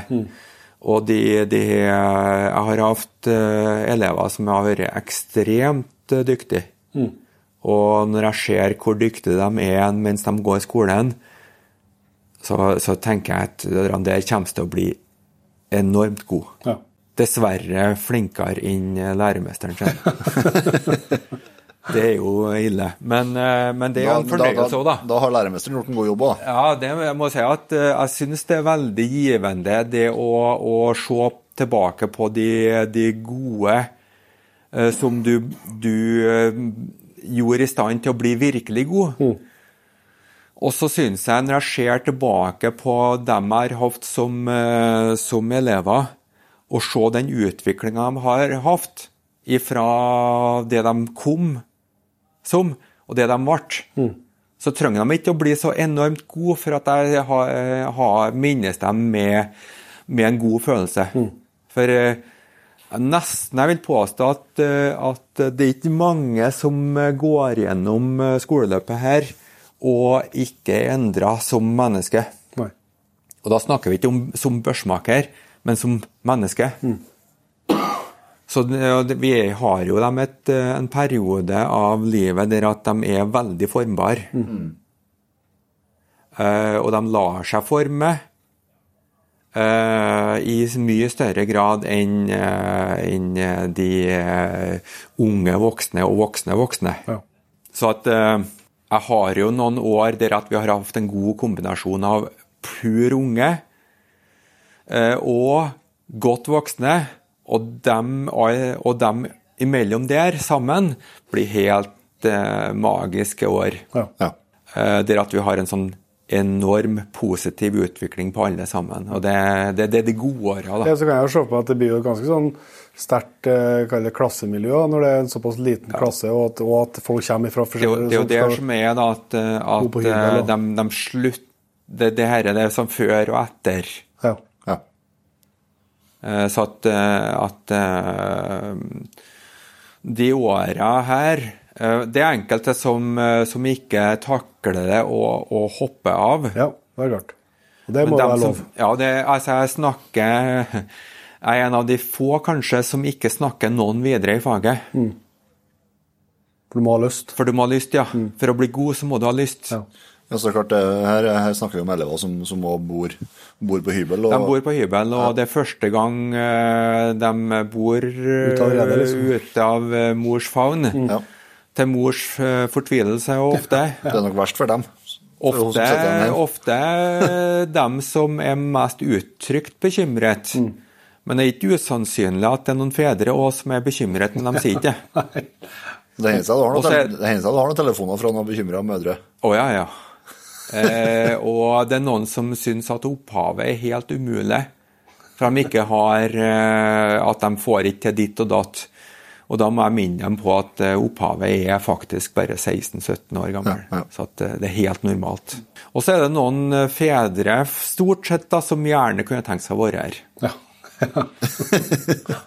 Noen ganger kunne jeg tenkt meg å ha dem her òg, men ikke samtidig. For eh, alle har godt av å være bort fra sine opphav, eh, da. Prøv, det litt i hvert fall. Ja.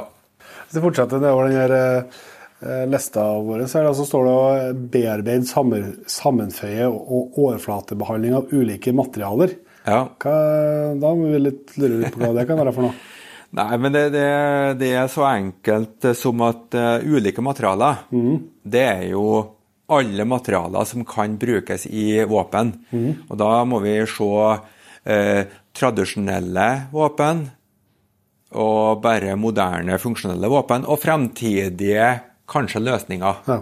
Bearbeiding av dette her, overflatebehandling av de ulike materialer, sammenføyning av de ulike materialer. Jobber vi med karbonfiber, så har vi noen valg av metoder da, Ja. som kan brukes på det. Men absolutt ikke på det. Nei. Eh, bryr vi med termoplast, som er et, er et moderne materiale. Mye brukt. i- Mye brukt. Og så har vi feil mål. Ja, da kan vi gå på med varmepistol, og så kanskje varmeformen til korrekt mål. Ja. Det er en helt gangbar metode. Det er således den er produsert. Prøv det samme med karbonfibre, så ødelegger du karbonfibre. Ja. Du ødelegger ikke karbonfibre, du ødelegger limet som holder karbonfibre sammen. Ja. Så én metode kan brukes på det materialet, fy fy på en annen materiale. Hvert materiale til sitt bruk, sin metode for sitt materiale. Så det å eksperimentere med det som er kjent, og det som er ukjent, er en viktig del av Og da begynner vi med det som er kjent, ja. Ja. For det har jo forandra seg ganske brutalt det der i løpet av de siste oh, ja. 10-20 årene. eh, fra ja, både, både og jeg vil si at, eh, at uh, bare vi sier ti år, så har det vært en rivende utvikling i hva som er normen. Ja. Ja, det gjelder både konkurransevåpen og, og, og Ja. jaktvåpen. Ja. Ja. Så at, eh, at eh, Og her er det viktig da å henge med hva som, hva som skjer. For du kan eh, slutte å bli en, eh, en børsmaker og begynne som antikvar. Ja. Altså drive et museum. Eh, og det er jo ikke det er jo ikke, Da er du ikke børsmaker lenger. Nei. Nei. Da bevarer du historien. Men historien er bare en liten del av faget. Ja. Du skal ha med den òg. Og jeg elsker jo gamle våpen. Ja, det, er jo ja. det, det er jo det som er Jeg, jeg syns det er det som er mest interessant uh, ut ifra et, et børsemaker-ståsted. Ja. Men så er den kreative hjernen min, da, den er veldig glad i ting som ikke finnes ennå. Eh, så at, eh, at eh, Og der må jeg si at jeg har en yrkesskade, vil jeg tro. For at hver gang jeg gjør noe som ikke krever veldig mye tankevirksomhet, ting som jeg har gjort før, så begynner jeg å, å, å prosjektere ting i hodet. Ja. At, og det, det begynner med en, ofte en, en tanke om en idé Altså bare en idé. Ja. Og så begynner jeg å spinne på den ideen, så finner jeg en teknisk løsning. Og den første tekniske løsningen oppi her, den blir ikke laga, for det hadde vært bare kaos. Ja. Den hadde ikke fungert. I tillegg til å ikke fungere, så hadde den vært umulig å lage. Ja. Og så blir den øh, oppi hjernen så blir den omarbeida gang på gang. Og hver eneste gang så blir den litt enklere og litt mer funksjonell. Og så kommer det til et punkt der at den ideen kanskje faktisk kan bli til noe. Da kan første ting jeg lager, lages.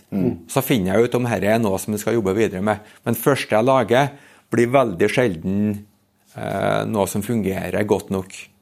Da tweaker jeg litt på den, og så gjør den eh, mer funksjonell og mer driftssikker. Og tar inn enda mer eh, Kall det uforutsette ting. Ja. Og så finner du kanskje ut noe som er smart, da. Eller så finner du ut at dette fungerer jo ikke. Men, eh, men akkurat den, den, den innovative biten å finne ut ting som ikke er funnet opp før, det er en egenskap jeg prøver å overføre til, til mine elever. Ja. Som igjen de da kan trimme sjøl videre. Ja. Men da må de ha grunnleggende ferdighetene og, og historien i bak seg ja. For å få det til. for å få det til. For det er den du bygger fremtida på. Ja. Det er historien om ting som fungerer og ting som ikke fungerer. Det er slitsomt fordi at jeg tenker på et hver eneste gang jeg ikke trenger å tenke. Eh, det resulterer i at jeg gjør noe som min kollega syns er mm, idiotisk. da. Jeg gjør ting som gjør at jeg ikke kan tenke noe annet. Altså klatre og gjør ting som er farlig hvis du ikke er konsentrert. For da er jeg av, er jeg av eh, arbeid. Ja. Punkt her som kommer videre, det er jo det er å sette sammen våpen av egenproduserte og innkjøpte deler. Ja. Det er jo litt altså, er jo spennende med det børsemakerfaget, så jeg kan forstå. sant, for at det er jo et, det er et svennebrev der ender ut. altså det si det, er, det er jo et håndverk. Ja. i håndverksfag. Samtidig så møter jo det håndverksfaget da, i stor del av uh, arbeidshverdagen, som jeg kan forstå er uh, industrien. Altså at du kommer ja, der, der, det kommer fra fab, der det er fabrikkert, og, og, det er store produksjonslinjer med våpen som, som måtte spys ut skal jeg si, ja. i et så stort tempo som mulig. Og så skal dere, skal dere med håndverket på det igjen. da. Både håndverk og kunnskap skal inn her, da. Ja. For ofte så skal du lage alt sjøl. Som håndverker. Mm. Så det ene er at det blir ikke bra. Nei. Det andre blir at det blir både dyrt og ikke bra. Ja. Og det er jo en dårlig kombo. ja, Det er få som vil betale for det. ja, det er få som vil betale for noe som ikke er bra, og i tillegg dyrt. Eh, noen få mystisk vis. Eh, men hvis du kombinerer det beste fra styrte maskiner og det beste fra fleksibiliteten i håndverket, mm. så kan vi få det til supert. Og spesielt når vi jobber med eh, moderne, styrte maskiners eh, produserte deler, mm. så er jo den ene delen nøyaktig lik den andre. Ja. Det er det som er styrken. Mm. Men så skal det på et våpen som ikke er likens. Da vil jo noe som er likens, bli feil. Ja. Så vi må ha noe som er tilstrekkelig korrekt skjevt for at det skal bli rett. Og det er der børsmakeren da kommer inn at du har en kanskje perfekt laga del som skal tilpasses til våpen som ikke er perfekt. For det er laga i 1898. Mm. Uh, og det lar seg jo ikke gjøre med ei styrt maskin. Nei de, de liker ikke skjeve ting. Nei. Så der kommer håndverket, kunnskapen inn. Og det er en, en uhyre viktig del eh, av, eh, av eh, faget. da. Mm. Ja, det var en spennende del av faget. liksom. Og veldig spennende del av faget. Og det som er og litt undervurdert del av faget, fordi at det er ikke så synlig om en jobb er utført bra eller dårlig. Nei. Kikkertmontasjer er et, et Eh, godt eksempel. Mm -hmm. Det er så tilsynelatende så enkelt at det kan hvem som helst gjøre, for det er jo noe skruene og si, hvis, du, hvis du setter de rette delene på rett plass og skrur det sammen, så ser det ut som at det passer. Mm. Kanskje til og med du treffer. Det de aller færreste vet og ser, det er at du med å bare skru det sammen, så har du lagt veldig mye spenninger inn i systemet. Ja. Og spenninga er presisjonens eh, ikke verste fiende, men den er en av fiendene. Ja. Nå kan du opptre plutselig. Ja, altså det utvikler seg òg under bruk. Ja. Så at du får, får, et våpen som fungerer når det er kaldt, men når det ikke er varmt. Nei. Det er sånn typisk spenningsproblematikk. Ja. Det er det umulig å på avstand se at er korrekt på den ene børsa og feil på den andre. Ja. For det ser tilsynelatende akkurat likeens ut. Og der kommer kunnskapen om hva du skal se etter, og ferdigheten i å vite hva du skal gjøre for å fjerne de spenningene. Ja. Eh, og det det er, fullt av sånne ting. Ja. Et avtrekkssystem fra fabrikk kan være så godt det bare vil. I akkurat det våpenet så er det farlig. Ja. Det må justeres litt. Da ble det bra. I et annet våpen så er det trygt, men ikke så bra. Nei. Det må justeres litt. Og et tredje våpen så er det bare å sette i, og så er det go. Ja. En som ikke har kunnskapen, vil bare sette i, og så kan den hende at den traff den siste kategorien. da. Mm. Hvis den er heldig. Hvis den er heldig.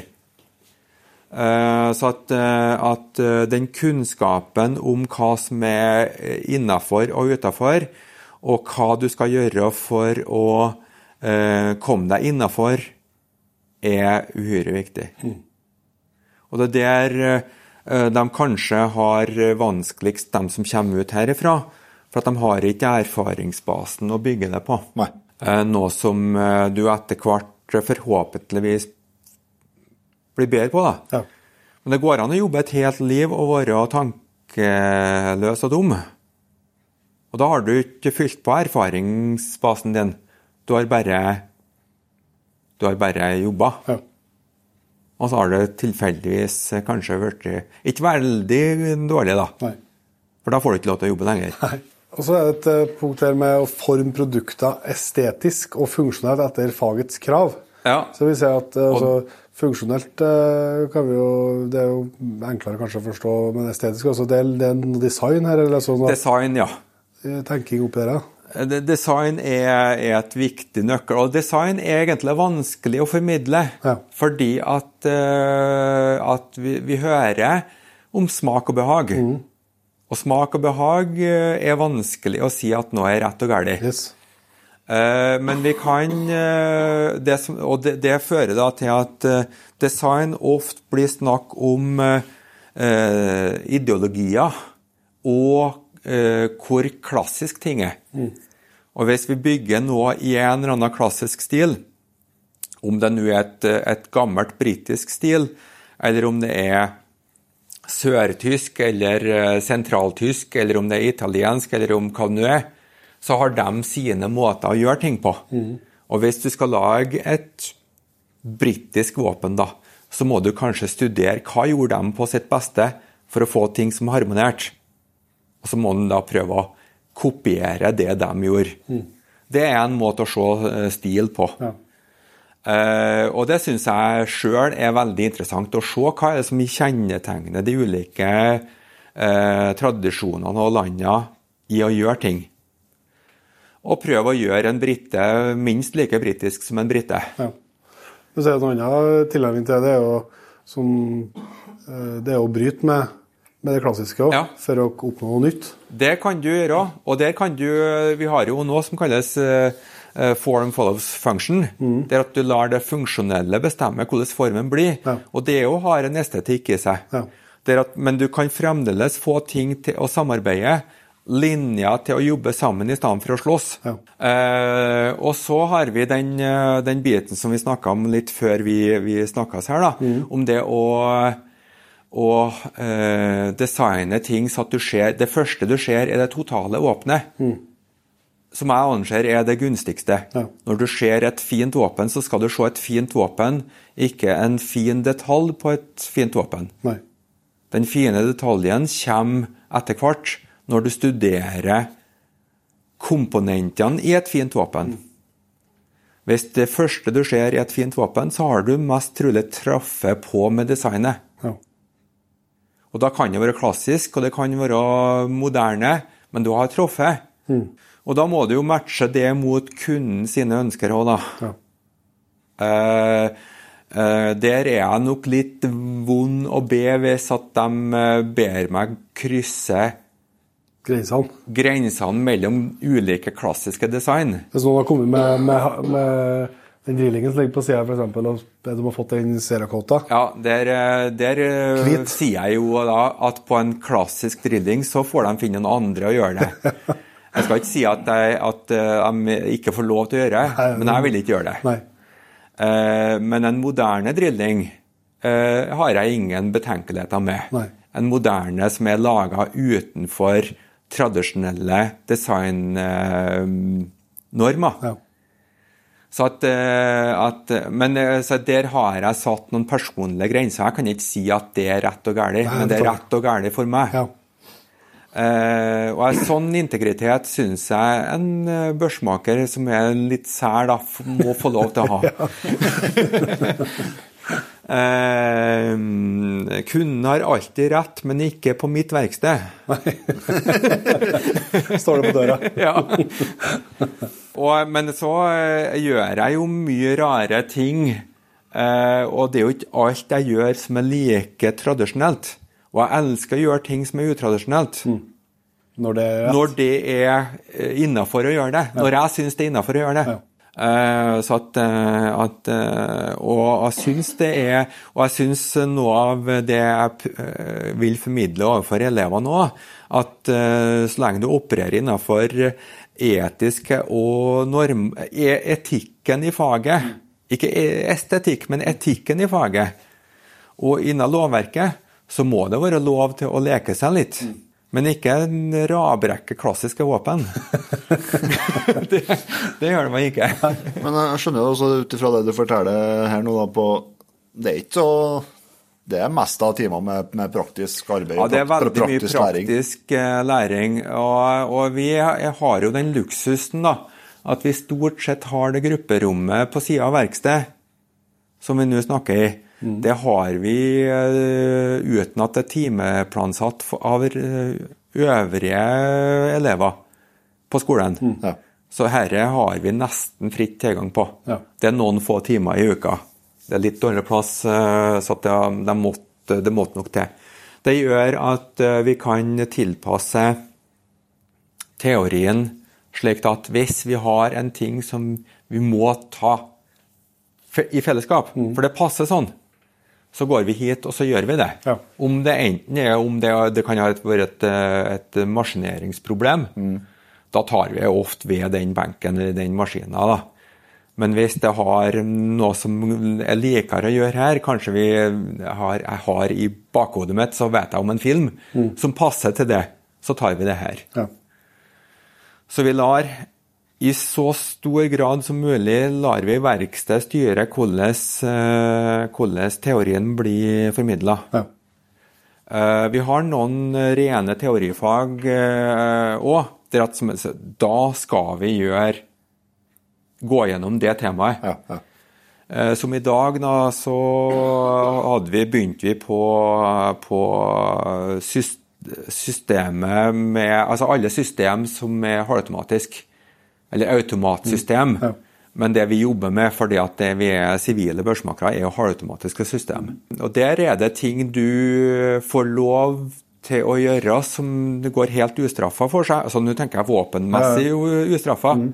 Og så gjør du én dum ting, så gjør, har du et virkelig farlig våpen. Ja. Så terskelen for å Altså, eh, eh, alvorligheten med å gjøre dumme ting blir alvorlig når det er en automatikk i det. Ja. For da kan du gjøre mange uh, farlige ting ja. etter noen. Og, det her er, og litt av utfordringa med disse systemene er at de, det er så mange system. Ja. Så vi, vi, kan ikke gå inn på hvert enkelt system. Vi må, vi må se på uh, grunnprinsipper ja. i virkemåte. Når de i utgangspunktet da har litt eh, begrensa erfaring med våpen og skyting, for de er jo bare unge, mm. eh, så må vi bygge på stener som kanskje ikke er der. Og da må vi begynne, begynne med grunnmuren, da. Ja. Så at vi må Den første tida blir vi litt Det handler mye om å bli kjent. Ja. Hvor mye kan eh, folka her fra før? Og hva kan vi skippe over? Og hva, må vi ha med helt ifra Altså som en fotballspiller, og de har begynt 'This is a ball'. Det er ganske grunnleggende. eh, hvis vi begynner med våpen således, så da er vi på grunnstenen, da. Mm. De aller, aller, fleste vet at, uh, hva er ei børse. Ja. I hvert fall de har rota seg hit. Ja. Eh, men noen ganger ikke veldig mye mer. Nei. Nei. Du ser ute i verkstedet, Ole, så står det jo mye fancy maskiner. så det er jo en, ja. Eh, Selv om vi snakker om våpen fra 1800-tallet, så er det jo en del teknologi som absolutt ikke er fra den tida som Nei, vi har, er del av hverdagen. Vi har gått litt videre, ja. og det er nok en dyd av nødvendighet. For det som de på 18 og 17 var enda bedre på, det å bruke de primitive verktøyene for å lage egentlig ganske fantastiske ting. Ja. Og, skulle vi, og de brukte et helt liv på å mestre de verktøyene. Ja. Det har ikke vi tida til, dessverre. Jeg kunne gjerne tenkt meg sjøl å mestre meiselen bedre. Ja.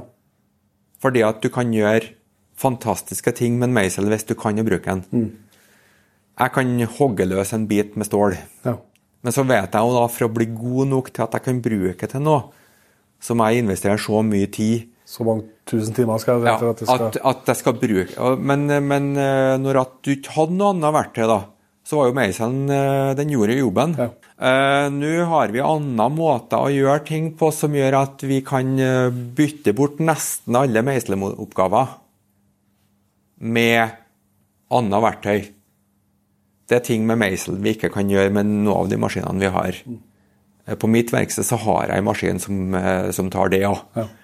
Uh, men, men det vi får med de moderne maskinene, da, det er mm, effekt, mer effektivitet på mindre kunnskap og ferdighet. Ja. Spesielt ferdighet. For du, du lærer ferdighet, ferd, alt, alle ferdighetsfag handler om repetering og repetering og repetering. Eh, så at, eh, at vi kjøper oss litt eh, tid med å bruke andre metoder og andre maskiner. Ja, ja for at du, du, man lærer å forstå det grunnleggende, og så lærer man å bruke maskiner som gjør det mulig, og så Ja. lar man maskiner gjøre det i metta. Ja.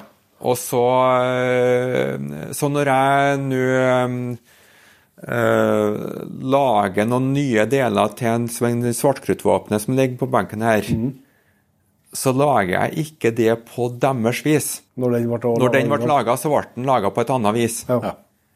Eh, Jeg har ikke verken kunnskap om hva de gjorde, eller ferdighetene som kreves for å gjøre det på deres vis. Nei. Eh, Men, eh, men eh, gjør jeg det rett, så skal den der se ut som at den er laga i 1875. Ja. Og det gjør jeg ved å bruke deres metode på det siste, siste touchen. Ja. Altså ei fil. Ja. Ja. Så av alle håndverksferdigheter som vi ikke har lov til å velge bort, da, så er vel kanskje fila den vi ikke får lov til å velge bort. Ja. Jeg er jo glad for det, for jeg liker å file. Ja. Utpå der så er ikke alle som liker å file. det I hvert fall uttrykket de er høyt når de blir tvinga til å gjøre det etter noen timer. Men det er en av de tingene som de ikke får, har mulighet til å velge bort. Ja. For hvis du velger bort det, så har du har du laga deg et handikap. Så utvikling skal ikke gi deg noe handikap. Det skal bringe deg videre. ja. Klart det. For det er, ganske mange forskjellige maskiner de skal lære seg Det er å ganske mange håndtere. maskiner, det er ganske mange, det er ganske mange ferdigheter de må bli Trygg trygge nok på til at de kan fortsette sjøl. Ja. Hvis jeg klarer å få dem eh, litt forbi bleiestadiet, så de krabber og går litt sjøl herifra, så har jeg fått til ganske mye. Ja. Men de er ikke, de er ikke fullutdanna børsmakere selv om de får et svennebrev. Nei. Når jeg hadde svennebrevet i handa sjøl, så tenkte jeg at jeg var konge. Du hadde det klart, ja. Ja, det klart, da, da det Og en, eh, tok jo feil. Nå tror jeg at jeg er konge. Jeg tar jo feil ennå. Så at, eh, at eh, kanskje det blir eh, før han begynte å drikke. Men jeg så det er så vi tar litt om lærlingetida, så snakka jo Det er jo, kan jo være, det er jo selvsagt til, til eksisterende børsemakere. For du må være altså Du kan ikke starte et eget børsemakerverksted og være lærling hos deg sjøl. Det kan du ikke. Nei, så du må ut til en Historien har vel hatt noen tilfeller der at de har hatt praksis på sitt eget verksted. Ja. Ikke lærling på eget verksted, Nei. men de har hatt en arbeidspraksis Ja. der at de har praktisert som børsmaker på sin egen bedrift, og så gått opp til svenneprøve som børsmaker. Ja. Eh, det er mulig i en teoretisk virkelighet, i hvert fall nå. Det var en praktisk virkelighet for, eh, for en del år siden. ja. Så det er jo, det er jo ut til, til børsmakere og, og sånn. Eller så er jo Forsvaret en mulighet. Forsvaret ta, er veldig flink. Forsvaret har vært flink og tatt unna altså Elverum Tekniske, som er et av forsvarsverkstedene, de har bestandig en børsmakerlærling. Ja. Men i og med at det er to år, da, så tar de inn annethvert år. Ja. Ja. Eh, Bjerkvik, som er den andre verkstedet som har tatt inn eh, børsmakere, de har brukt å tatt inn hvert år. Ja. Så de har da to til enhver tid. Ja. Det, det monner jo ikke så veldig mye i det store, men det, det hjelper jo litt, da. Ja, så en kontinuitet i det, da. Det er en kontinuitet i det. så at eh, og dem som eh, Du må jo fylle de eh, fysiske og alle de kravene som stilles for å avtjene førstegangstjeneste. Og de vil gjerne ha lærlinger som ikke har avgitt førstegangstjenester. Ja. Så det blir en, del, blir Så det blir en del av, av, av eh, tjenestetida deres. Ja. Og så vil de jo helst ha folk som de ser litt monn i å ha sjøl, da. Ja. Ja, så de kan ansette, De kan ansette det. Og, senere. ja. og de som er, har jo et, et godt inntrykk av at de, de som vil fortsette, og, og som Forsvaret vil ha, de får jobb, da. Ja. Nå har det jo, altså Forsvaret det går jo opp og ned der òg. Nå er det jo i en uh, høykonjunktur der òg. ja. Det ser ikke ut som at vi uh, at deres tjenester går over måten med det første. Nei, absolutt ikke. Og for elever som syns at det er interessant, så er det jo en fin arbeidsplass. Mm. Og, og, spesielt fordi at du kommer aldri inn der eh, og, som, og om du er lynfersk, så har du bestandig noen over deg som kan forklare og følge opp. Mm. Er du privatpraktiserende børsmaker, så er du ofte kongen på haugen. Enten du kommer inn i en bedrift, så er det veldig sjelden at de har en børsmaker fra før. Ja. De får tak i en børsmaker. Mm. Og da er du den som skal drifte børsmakerverksted. Og det, Da bør du være ung og dum for å gjøre det med, med god samvittighet og, og sjøltillit. Mm. Som fersk utdanna børsmaker. Ja. Eh, heldig den som har en kollega å snakke med. Mm. Ja.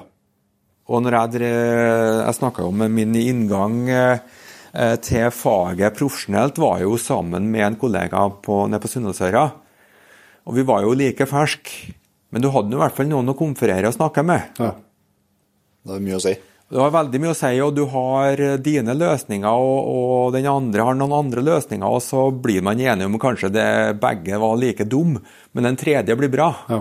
For ofte så er det en, en kombinasjon av tanker som er det beste. Ja. Det viser seg i ja, egentlig alle miljøer da, at du får mulighet til å snakke med så mange som mulig med ulike innfallsvinkler, så er det bra. Mm. Sånn jobbmessig, altså så er jo du nevnte litt innledningsvis, det er kanskje jakt som er det største markedet. Så det er fleste som, som ender opp med å kunne ha det som, som yrkesvei. Ja, hvis du, hvis du, som praktiserende børsmaker er heldig og får jobb, det, det, det er jobber i faget.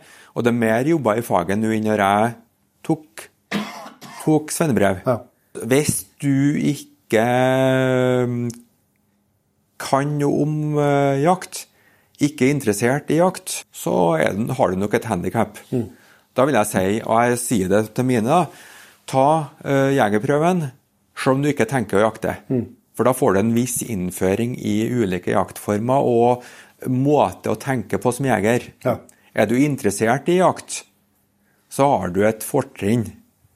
Uh, er du uh, er du overmåte interessert i jakt, Husk på at jakt kan være så mangt. Mm.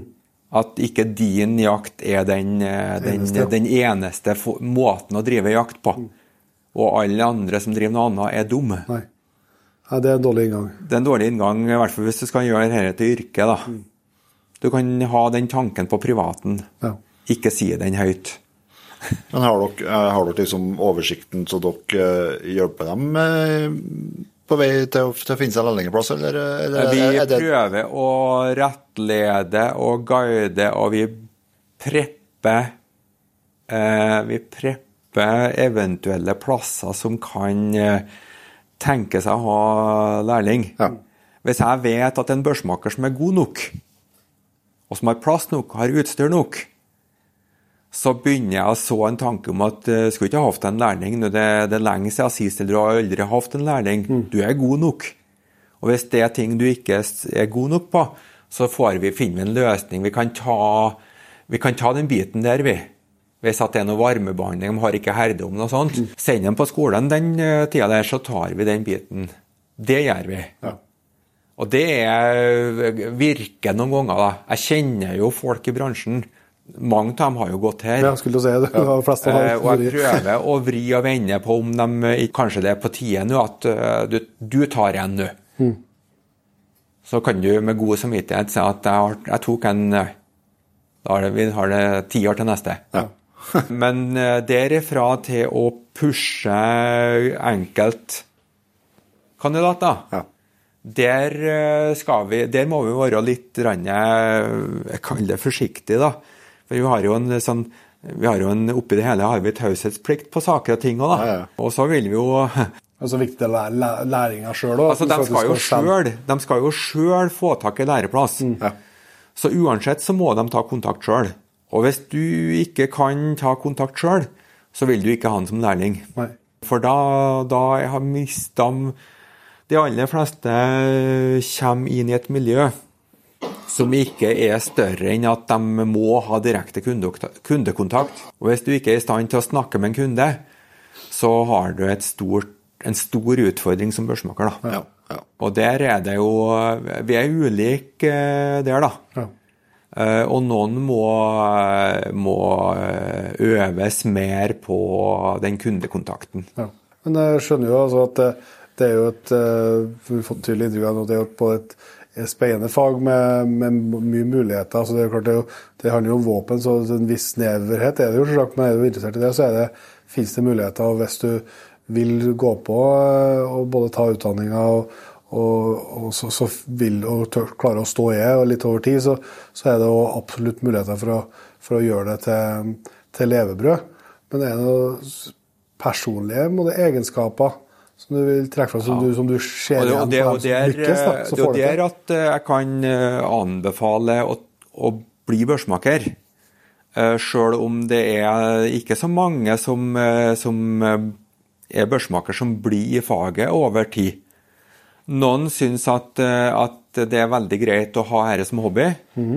Og for å bevare egentlig eh, hobbyen med skyting og jakt og alt det der. Og andre syns at det var noe pes. De egenskapene vi fremelsker, er så brukbare i så mange andre yrker. Ja. Fordi at vi trenger folk som er nøyaktig. Nøyaktighet er uhyre viktig. Her er jo liksom, det er jo ikke feilmargin. Nei. Eh, og vi må vite, og hvis det er en feilmargin, så må vi vite når det er en feilmargin, og når det absolutt ikke er det. Og så må du la jobben bestemme når jobben er ferdig. Det er ikke sånn at nå har jeg holdt på i to timer med her. Jeg har gitt en pris på én time. Den må nå være ferdig nå. Hvis den ikke er ferdig, så er den ikke ferdig. Så når eh, du må være tålmodig nok til å la jobben bestemme når jobben er ferdig. Ja. Da har vi to egenskaper som er dyrebare i et eh, moderne samfunn. Du må ha den nøyaktigheten og tålmodigheten til å la det bli ferdig når det er ferdig. Og så må du ha en stå-på-miljø, fordi at eh, når du holder på med våpen og skal gjøre mye du ikke kan, så går det på snørra ikke så rent sjelden. Og da er det forskjellen på om du blir en eh, god børsmaker eller kanskje en med svennebrev bare, eller en som kanskje ikke får svennebrev av, er om du er villig til å gå på igjen med en gang. Du får lov til å furte i fem sekunder. Og så kan du furte, men da må du i hvert fall jobbe etterpå. Og så får du ikke lov til å furte til slutt, for furting i et miljø eh, gjør at, eh, at resten blir med på furtinga. Eh, Så, så det med å gå på igjen etter å ha gått på snørra, det er uhyre viktig. Og dette dyrkes, da. Og det er ting som alle, så alle bransjer som krever tålmodighet, nøyaktighet, stå-på-vilje, trenger. Ja. Ja, Men som du- ingen plasser i samfunnet blir dyrka. Ting skal gå fort. Ja. Det er så viktig at ting går fort, at hvis det er halvgodt og fort, så er det bra, det. Men halvgodt, det er halvdårlig, det. Ja, og potensielt livsfarlig. Ja. Så at, eh, at eh, nesten ferdig er et annet ord for ikke ferdig. Uhyre viktig egenskap som vi dyrker fram, som mange bransjer trenger. Ja. Og så er den siste som jeg syns er den artigste. Det er å så den eh, innovasjonsspira. Ja. Det å, å se at her har vi et problem. Hvordan løser vi det problemet? Fins det, det noe som løser det? Og så søker du litt, da. Nei. Men det er noe som ligner, som vi kanskje kan, kan gjøre om til å fungere. Eller noe, vi har en løsning som fungerte på noe annet, som òg kanskje kan fungere her, hvis vi gjør om det litt. Desto flere ganger du gjør dette, desto enklere er det å finne gode løsninger. Ja. Så må de må være litt kreative, da. Ja, kreativitet. Og den største trusselen for kreativitet, er at det ikke er mulig. Så den første fasen, så skal du egentlig bare pøse på med ideer og mulige løsninger. Ser ingen begrensninger. De kommer. Ja. ja, de melder seg De kommer av seg sjøl, så du trenger ikke å, å, å begynne med dem. Nei. Det er noe vi heldigvis kan få lov til å gjøre noen få ganger. Og hvis jeg klarer å så en spire til sånn tenking, så har de gullkortet for å være attraktive i et jobbmarked. Enten det nå er mot våpen, eller om de er i Nordsjøen i olja, eller uh, om de er en uh, CNC-operatør på et eller annet verksted. Ja. Jeg får jo tro, som du sier med CNC, altså det, den maskinkompetansen har den Ja. her, da, den er vel overførbar til Alt mange- dette kan brukes. Ja, til mange forskjellige Å se muligheter i en maskin, ikke begrensningene i en maskin. Ja. Det, så alt det der eh, gjør oss vi, vi, Egentlig det som er det viktigste med en børsmaker, det er evnen til Altså det er en potetegenskapen, da. Du kan bruke potet til ganske så mye. En børsmaker kan brukes til ganske så mye. Så er det ikke sikkert at olja trenger din kunnskap om, eh, om eh, en Remington 700. Nei. Nei. Det er totalt uinteressant for olja. Men at du skal ha, de skal ha en, en konstruksjon. Den skal ned på 150 meter. Det koster mm, 10 millioner å hente den opp igjen. Da bør den være i orden at den senkes ned. Ja. Så har du snakka litt om det, altså det her eh, spennet her, sant, med både tradisjoner og stadig nyvinninger. Um, som det selvsagt er. Samtidig så har jeg litt sånn følelse av at altså hvis du, kikker på våpnene fra slutten på 1800-tallet, så sammenligna med mye annet i samfunnet, så har det jo skjedd lite. da. Altså, Ja. sånn, altså det, det fungerer jo i stor grad på den samme måten. Det hadde skjedd uh, utrolig lite. Ja. Sånn, men, så, men så sa du Hva tror du, hva tror du er grunnen til det? Nei, jeg, Sannsynligvis at ting fungerer. Ja, det, men, altså, men at ting fungerer, betyr ikke at det ikke kan bli bedre. Altså, men altså, det jeg skulle utfordre deg litt på, Du nevnte det som et stikkord når vi holdt på liksom, snakka litt om materialer. og så er det hva vi har tradisjonelt brukt, og hva bruker vi nå, og hva kan vi kanskje bruke i framtida. Hvis du skal utfordre deg litt som, eh, som eh, både børsmaker og tenker, da, på hva, hva tror du vi har å se fram mot, De som er glad i Ja. våpen? Hvis dere liker utvikling, da. Ja, jeg liker utvikling. Ja, ja. Så spørs det om, eh, om jakt er tingen, da. Ja, det men- nei, det, ja, det- nei, nei, det, det- som jeg vil egentlig til hvorfor at det skjer så lite, for jeg er veldig enig i at det skjer veldig lite. Ja. Det er fordi at vi har en patron som fungerer så godt som en patron gjør. Hvis du sier at våpen har utvikla seg lite, Mm. se på patronen. Ja, det har ikke skjedd Det har skjedd ingenting. Nei. Det er andre kjemikalier i tennhetta og litt annen kruttsammensetning. Ja, altså, jeg ser litt på kulene. Og kulene er bedre, da. Ja. Men den fungerer på akkurat samme vis. Og det går omtrent akkurat like fort Ja. ifra 1890-åra. ja. Det er ikke så veldig mye å skryte av, da. Men det er jo så, det, den er jo så genial bra. Og så har all utvikling av våpen skjedd rundt den primitive patronen som fungerer så bra. Ja. Og så har vi egentlig det, Den utviklinga går ikke på å gjøre ting bedre, men det gjør ting enklere, enklere, enklere. enklere. Ja. Og så sitter vi igjen med en Tikka T3. Ja. Det er ikke noe galt med den, Nei. men så akk så kjedelig, da. Det er jo en kneippbrød. Eh, men det fungerer. God presisjon er det òg. Mm. Liker ikke magasinet, men, eh, men det er et bra våpen. Mm. Alt bra kan ikke lages i plast. Alt. eh, så inntil at de får gjort noe med den patronen Ja, noen kommer på noe genialt. Ja, De må finne på noe genialt der som er bedre enn det de har. For de har jo laga noe som på nå er bedre, Ja. men som ikke har totalpakken bedre. Eh, Heckler Koch har jo utvikla et eh, hylseløst system som på et vis er bedre. Du kan ha med deg mye mer ammunisjon på en mindre plass. Ja. jeg gikk jo konkurs på konseptet. Ja. De laga jo en hylseløs jaktrifle som ingen ville ha. Ja. Så de må finne noe å drive et prosjekt til. Hylseløs er kjempelurt? Det er veldig lurt. slipper noe liggende i naturen og Ja, veldig lurt. Du sitter, det eneste du sender vei, er et prosjektil, og det kan du lage av noe som, eh, som du kan sende vei. Ja. Veldig lurt. Men så har jeg noen drawbacks som er de er ikke løst godt nok, og så gir ikke mange nok fordeler Nei. til at det er interessant. Så den dagen de får sendt i vei et prosjektil i minst like høy hastighet, for det skal ikke bli dårligere, i et format som er minst like godt, så er vi stuck, tror jeg. Og det, det er måter å gjøre dette på, bare vi får avlevert nok energi fort nok. Ja. På enda så gjør de det i så stort format at det, det, er ikke, det er ikke overførbart til rifle. Nei. Det første er nok eh, dessverre krigsindustrien og, og artilleri. Mm. Der er framtida noe annet enn det vi holder på med først. For det har jo skjedd mye oppå riflene, sant? Altså fra Ja, ja. Eh, kikkerten her. og som er- der, eh, ja, vi, vi har jo et ganske godt spenn på kikkerter her. Og her, nå har jeg jo tatt, har jeg ikke tatt med det siste i utviklinga. Noe som jeg er litt kritisk til sjøl, da. Nei. Det med termisk utstyr. ja, med, ja, med termisk er det en ting, og så har du med alt som er digitalt òg. Ja, ja. Så her er jo nå er Det som er på i rommet her nå, det er jo 30 år tilbake i tid. Mm. Og eh, 130, i hvert fall. Så at, eh, Men, at men, eh, det er det som er sånn, men, men prinsippet på de, de to ulike kikkertene Ja. er jo akkurat likens. Ja. Så det, det, det er bare detaljer som er forbedra.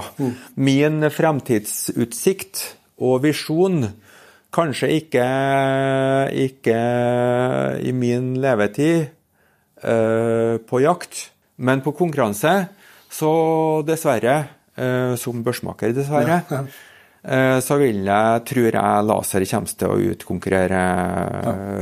skytevåpen som skyter ut et prosjektil. Og det har med sikkerhet og kontroll å gjøre. Ja. Dessverre, sier jeg, fordi at det fjerner noe av magien med skyting. Fordi at det handler ikke bare om å plassere sikte på rett plass og trykke rolig av. På rett tidspunkt. Der. Eh, Du må beregne ytre forhold som vind og, Mm. og over- og underskyting og alt det der, som da blir borte med en laser. Ja, men du kan, du kan jo kompensere med det med laser òg. Ja, altså da må, Du kan jo legge inn sensorer Yes, som sier er at det blir avvik. Da Yes. Da, blir det, med- da blir det et dataspill. Ja, jeg er enig med deg. Altså, Den fakt, det, fakt, det fysiske skjer ikke. Ja. At, eh, men jeg tror at eh, hvis det er noe av det som skjer i min levetid, så er det det første som skjer. Ja. Og den første sporten jeg kanskje ser at skjer det i, det er matchskyting og kanskje skiskyting. Ja. I hvert fall hvis en kommer dit eh, som eh, man frykter man er på tur i forhold til eh, for forbud av ulike materialer. Ja. Eh, Bly er jo, en, er jo et tungmetall. Ja. Det- Og en kan diskutere fram og tilbake og være uenige om hvor farlig det er. Men det er et tungmetall. Det, det er udiskutabelt. Eh, Det kan håndteres på ulik vis. Noen mener at, eh, at det kan løses, andre mener at det ikke kan løses. Det må erstattes. 22 long rifle er ikke så enkelt å erstatte bly i. Så da kan en jo tenke at skal en bruke et annet kaliber, da vil pris for et veldig aktuelt tema. Og hvis at eh, vi kan hele hele tatt få bort det prosjektilet og erstatte det med en laser, så, og det er salgbart for TV og publikum Det er jo ikke det, for da, må- da trenger du ikke Ola Lunde lenger. da. Da trenger du ikke Vimland eller noen ting. da. Nei, for, for meg så er det jo det blir jo være midt i ja. For meg så er det trist hvis det skulle bli således. Noe av kundemassen min vil jo kanskje å forsvinne. Ergonomien er jo det samme, alt er de kravene. Men mye av det jeg kan, blir jo da gammeldags. Nå skal han ikke stritte imot bare fordi at det var så mye bedre før. Nei, nei. Men, det, det, det, det er det som er så vanskelig. For det var jo et, eh, blant annet et parti som du er medlem av, som stemte imot farge-TV på Stortinget. Sant? Og, og, sannsynligvis hadde de noen gode argument for det den gangen. Så, så, men i dag så Men det, er tåpelig, da. Jo, jo. Nå er det tåpelig. Ja, nå er det tåpelig. Men altså, de hadde jo en eller annen Ja. overbevisning eller en tanke den gangen at det tror vi ikke er smart for samfunnet. Nei. Fordi at et eller annet Jeg vet, jeg vet ikke hva argumentet var, Nei. men altså, det var jo der. Sant? Og det, det vil jo være sånn er jo, Og, eh, sånn er Det er det som er vanskelig når du skal vurdere framtida. Om, du, om du klarer Ja. å se dem eh, For jeg er helt enig med deg og føler på at da forsvinner jo mye av både magien og Noe ideen. tryllet forsvinner, og så kommer det til noen fordeler som er udiskutabelt fordeler. Men så kan det være at liksom, om 100 år siden tilbake og tenk på de galningene som for rundt og sendte ut uh, prosjektil. prosjektil. Ja, i- livsfarlig i konkurransesammenheng bare for å ha artig.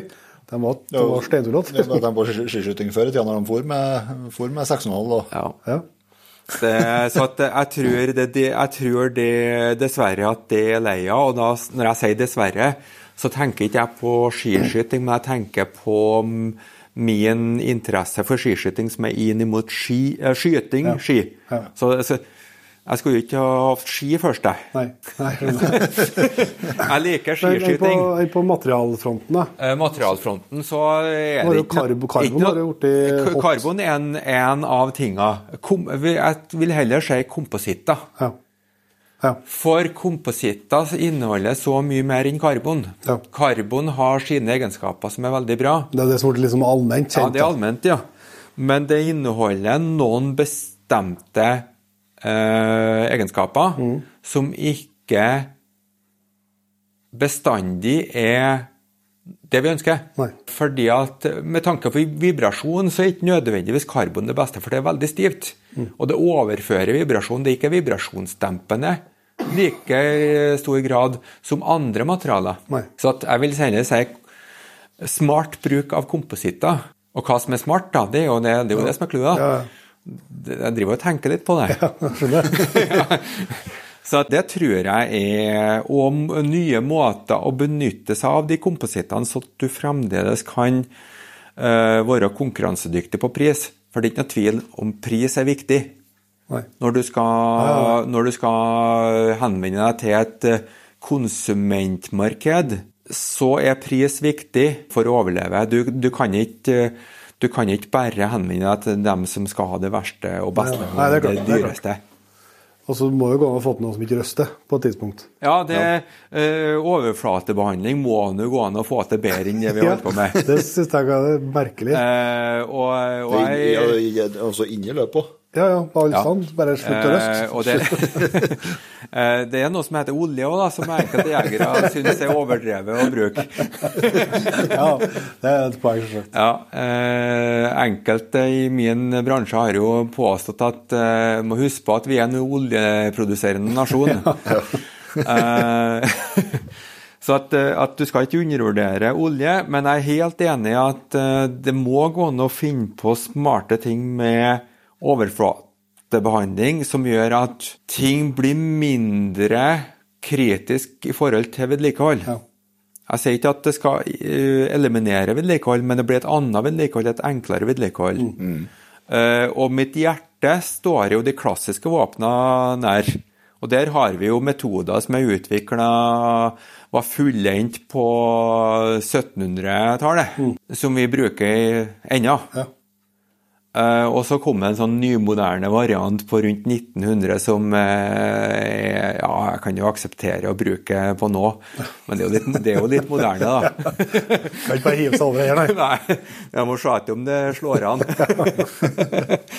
eh, og så har vi en del produkter som industrien, produserende industri har eh, omfavna fordi at det er rasjonelt, effektivt og fungerer. Mm. Og alt dette skal du Du skal være våken og se hva som skjer. Og så ta til deg det som fungerer, og så forkaste det som egentlig er keiserens nye klær. da. For det er ganske mye, det òg, da. Det er klart det. Og så eh, må jeg jo si da at eh, ikke bland altfor mye hypermoderne inn i klassiske gamle våpen. La det bli med de nye våpna. Det, det kommer den gamle, gretne gubben inn, da. Var han jo likere før. Apropos, er det ei sånn eh, drømmebørs du gjerne skulle ha fått muligheten til å jobbe med, eller ei børs du har drømt om å bygge som du ikke har gjort ennå? Jeg har en Ja Ja. ja. Det, det er ikke bare én, sjø. Det er det som er problemet. At når skal du velge én av dine barn, det går ikke. Nei, det er vanskelig. Så at, eh, men jeg har, eh, jeg har veldig sans for, for for enkle ting. Det som er, er der at det enkle er gjort til perfeksjon. Ja. Og enkeltskuddsrifle har jeg bestandig hatt en sånn en snodig tilbøyelighet til å like. Ja. Eh, og den eh, aller fineste og i mitt hode beste er et system som eh, Martin Hagden laga. Hagden. Eh, det er kunstverk i våpenform. Ja. Usannsynlig enkelt laga uh, i konstruksjon. Den er ikke enkel å lage, men den er enkelt laga. Det er få deler.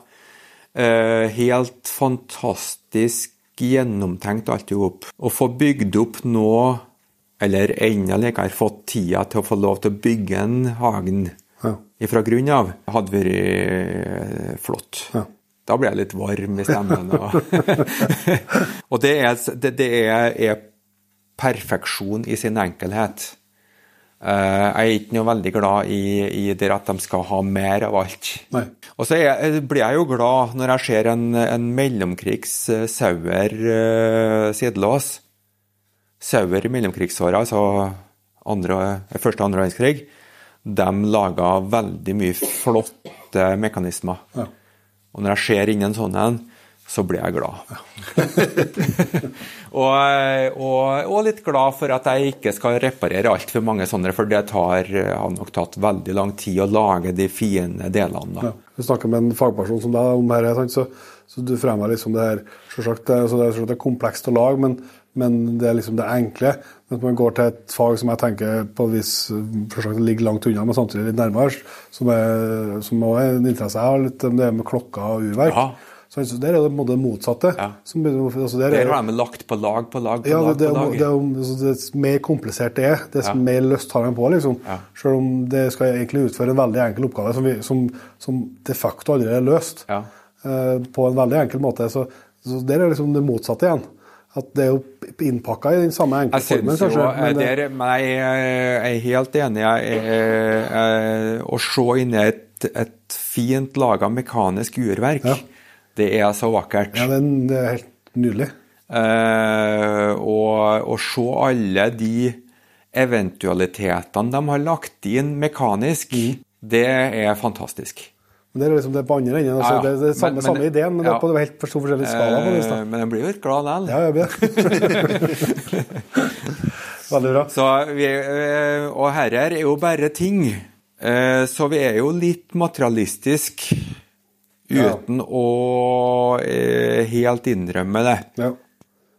Men fine ting som er like fine om 100, 200, 300 år, det syns jeg er, er givende. Ja. Fine ting som er fint denne måneden, men helt ut i neste måned, er uinteressant. ja, og, og i hvert fall ikke like imponerende å skape. Nei. Så at, eh, at eh, den, den evighetsperspektivet i ting, og der kommer klokka inn, og der kommer våpen inn. Et velholdt klokke, våpen, er like fint om flere hundre år. Ja. Veldig bra. Jeg tror det er en fin plass å begynne å runde av. Vi ser på klokka at vi har eh, brukt eh, mye mer av tida di, Ole Dag Ole, enn vi hadde, enn vi hadde sagt på forhånd, så vi skal begynne å runde av. Men vi har jo noen eh, faste punkt som vi går gjennom med våre gjester og deg også. Men det er egentlig beste, ikke spørsmål beste jakttips, og det kan vi få for å komme med, men, men det, når vi først har med en så erfaren børsmaker, da, så kan vi jo ha spurt om eh, Eh, altså, Hvilke tips har du til oss jegere for at vi skal ha det litt bedre enn børsene våre? Hvilke feil ser du vi hva går igjen? Er det noe, Ja. er det noe sånn tips du kunne ha Der delt på oss? jeg, har jeg to hjertesaker. Ja. Eh, ene er pusse børsa. Og har du rifle du jakter med, pust løpet like mye etter ett skudd som etter 50 skudd. Ja. For det ene skuddet gjør egentlig bortimot like mye slitasje over tid som 50. Det er første som er det verste. Det første som er verste, for da er, da er løpet helt knusketørt, og det er utsatt for de alkaliske gassene Ja. som fremmer stygdommen rust. Er, sånn, jeg har jo en sånn, eh, det er mange meg har en sånn type boresnake som bare drar gjennom. Er har det noen effekt? Det har eh, effekt, ja. Eh, Bårdsneik er nå bæsj. Eh, men så må jeg moderere litt, da. Eh, jeg liker ikke bårdsneik, men hvis det er det du bruker Det liker jeg ikke noe. Det er mye likere enn ikke noe. Ja. Så hvis du har med det i sekken, og faktisk bruker den, fortsett med det. Ja. Men når du har den i sekken, ha den i en pose som er ren. Ja. Så bruker du den, og så har du den tilbake i posen, og så vasker du den en gang iblant. Ja. Ikke ha den i bunnen av sekken eller i bunnen av en lomme uten at du har den rene posen. Nei. For da samler den uh, skit og lort og stein Ja. som du òg drar gjennom løpet. De er en, det er en magnet på støv og skit og lort, og, og noe av den skit og lorten, det er egentlig grus. Ja. Som du ikke vil dra gjennom løpet. Eh, eh, det er så langt du får meg til å være positiv til Borsneik. Eh, at det er bedre enn ingenting. Mm. Du sa det mye bedre enn ingenting, sa du. det er mye, altså, jeg sa det var mye. Og det, jeg kan vel godta at det er mye bedre enn ingenting. Det beste er jo å bruke en hel, hel stav som ikke gir riper. Ja. F.eks. en karbonstav. For en karbonstav er enten rett eller knekt. Men det skjønner jeg. Hel- Helstav, da, mener Helstav, da er det uten ledd. Ja. For det er òg noe herk. Eh, Det kan være noe herk hvis de leddene er laga av en materiale som kan gi skader. Ja. Pluss at de, de, de leddene kommer til å gå av før eller senere. Ja. Eh, Så at, eh, at hvis du har, og jeg håper dere har, et våpenskap, ta gjerne og utnytte de slottene for en pussestav inni våpenskapet. Til å ha en stav og litt olje der. Og pusse det innen det første døgnet. Hvis du ikke liker å pusse, puss innen det første døgnet. Og det er ikke så mange som liker å pusse. Etter hvert som eh, kruttgassene og kruttslammet som legger seg i løpet, blir eksponert for oksygen, så blir det hardere og hardere. Til slutt så blir det nesten som en glasur. Ja. Og da, det, da må det slipes ut. Du, du, du bruker ikke, du bruker ikke smergellerret og sånt, men, men du, du bruker en fin, fin slipepasta for å slipe det ut. Ja. Og da må du Jeg, har, jeg gjør det ofte. Eh, ikke på mine våpen, men på kundevåpen. Eh, fordi at de har ikke pussa tiss nok. Eller ikke sikkert de har pussa heller. Eh, når du pusser mens børsa fremdeles er varm, så er kruttslammen nesten som en sånn pasta. Som, som en sånn krem. Og da blir den mer lett ut. Da blir den ofte med bare på ei olja fille. Eh, så kan det hende at du må gjøre noe annet en gang iblant for å ta mantelavlering. Kanskje noe fin slipepasta. Det var noe som Jeg tror det endra navn på det. Golden Medallion. Gold Medallion. Golden. Eh, det var et veldig bra produkt som du kunne pusse med uten fare for å ødelegge noe som helst, som hadde en fin, fin slipepasta og hadde litt smøreffekt. Så tørrpauser du, og så lar du det stå med god samvittighet. Tørrpussa skal ikke stå med olje i. Nei, det står med olje etter tørrpuss. Ja. Det, du, det du trenger av olje, det er etter tørrpussen. sånn, ja. For du får ikke ut det. Nei. Eh, hvis du veksler veldig mye mellom varmt og kaldt, går fra kaldt til ei varm hytte, det er ikke børsene noe spesielt glad i. Vurder om det kan gå an å ha det en svalgang uh, mellom, uh, mellom turene. Det er best for børsa. Når du først skal ha det varmt, la det bli ordentlig temperert, varmt, luftig før du setter det i skapet. Ja. Det var det ene tipset. Ta vare på børsa. Eh, smør det du kan smøre. Hvis du er komfortabel med å gjøre enkle mekaniske ting som å, ta ut sluttstykket og demontere og olje noen ganger, greit nok. Hvis du lurer på det, kanskje ikke. Bruk, bruk en børsmaker. Bruk gjerne en børsmaker. Eller noen andre kompiser som kan å demontere. Eh, hagla, der er en ofte litt mer eh, Hvis dere har en, eh, en automatisk våpen, enten en rifle, eh, hagle eller pistol, lær hvordan du demonterer for puss. Hvis du ikke kan det, så får du stopp. Og vi vet aldri når det blir stopp. Nei. Men sannsynligvis når du ikke har tenkt det skal stoppe. Det er ofte det, ja. Så at, eh, at hvis dere eh, jakter med halvautomatiske våpen, så er det enda viktigere. Det er ergerlig å få stopp på en pistol i en konkurranse, men det, er ikke, det er ikke, går ikke utover noe annet enn deg sjøl. Blir det stopp i jakt, så kan det være uheldig for viltet. viltet. Og det har vi ikke lov til. Nei. Så lær hvordan demontere for puss. Eller heldig òg, for viltet. Hæ? Det kan være heldig for viltet òg. Ja, hvis, du, hvis det skjer på første skudd, Ja, og du, at, du, at du ikke kommer så langt Hvis du heller ikke foregår noe skudd, så Og det er jo innafor. Igjen. Eh, eller egentlig ikke innafor å få en feil på jakt. Det, det er sånn eh, ah, ikke, Det som bør ikke skje. Men det kan jo skje. Sørg for at det, du har gjort det som skal til for å ikke skal skje. Det andre tipset mitt, det er å kose med børsa mye. håndterer børsa mye mer enn hva du skyter med børsa. Eh, fordi det jeg observerer på skytebane, det er at folk lurer på hvordan de skal bruke børsa og ligne på. Mm. De slåss for å komme i posisjon for å skyte. De slåss for å lade, altså slåss med børsa. Mm. Eh, og, og, generelt virker å ha eh, lite, lite håndtering med våpenet. Lade magasin, etterfylle magasin uten å se på magasinet. Mm. Prøv å få en, en, vane i å observere skiva. Prøv å observere skiva når du etterfyller magasinet. Den dagen du trenger å observere et dyr som er påskutt når du etterfyller, så er det veldig greit å ha etterfylt uten å se på magasinet. Mm. Og det kan du gjøre uten å skyte. Eh, skyting har jo etter hvert blitt ganske dyrt, men eh, få tak i ordentlig gode klikkpatroner som fungerer fra magasinet, og manipulere børsa mye.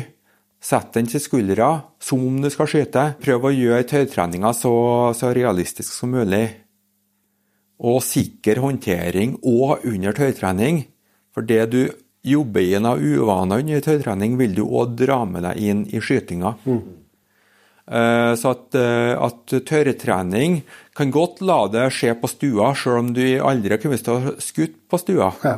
Men ikke peke på noen du ikke hadde villet peke på. Nei. Avsikre som om du er på jakt. Og tømme våpenet som om du er på jakt. Mm.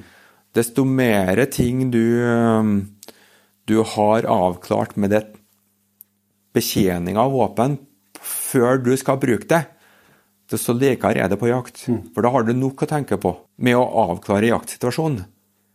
Og når du da kommer til en situasjon i jakta der at du, det skal skytes, så er skytinga det enkelt. Du, bare, setter, du bare gjør det som skal til. Ja. For du, du, kan det jo. Det er mitt tips til like mye som å skyte. Ta gjerne og skyt òg, ja. ja. Eh, men håndter børsa mye mer enn dere skyter. Mm. Vi har jo snakka litt eh, våpen, du kan få lov å trekke inn det òg. Men det er også en av jaktutstyret, våpen du har som du er litt Hvis du skal trekke fram det mest glad i, som du snur hvis du glemmer det. Børsa. Men hvem, i, hvem, altså, hvem i, i, våpenrommet er du altså ikke, Du har snakka om hvem du bruker mest. Men hvem er du mest glad i? Liksom, hvis du, oh. Hvem har vært vanskeligst hvis jeg skal gå til å hente? Nå var vi tilbake på det med ungene igjen. Ja, det, det, det, var jo klin umulig, det. eh, eh, jeg har jo, i motsetning til ungene, så har jeg jo noen du kunne ha tatt med deg. Ja, det skjønner jeg. Fått det billig, hadde jeg gjort da. eh, men av dem jeg liker, så tror jeg ikke jeg kunne ha vært. Nei. Men så, eh, hvis det nå brenner, da hvem skulle du klype med deg da? Ja, hvis, hvis huset brenner og du skal ha tatt med noen Bare hente én? ja. Hey. Eh, det kjedelige nøkterne hadde jo vært Winchesteren. Altså den jeg bruker jakter i, for, for det er jo den jeg bruker. Ja. Men så det er jo ikke den jeg har lagt mest sjel i. Så hvis jeg skulle ha hatt noe etter meg, så kanskje jeg har en 1075 Mauser, altså 1075-68, et klassisk. Der har jeg gått på kompromiss med meg sjøl, fordi at jeg har tatt et klassisk tysk kaliber i et klassisk britisk stil. Og det var, det, var, det var, ikke bra. Eh, men rett og slett fordi at det fungerer bedre enn den britiske motsvaret. Ja. Når britene gjorde det, så overdrev de. Da dro de strikken litt for langt. Den røk. Ja.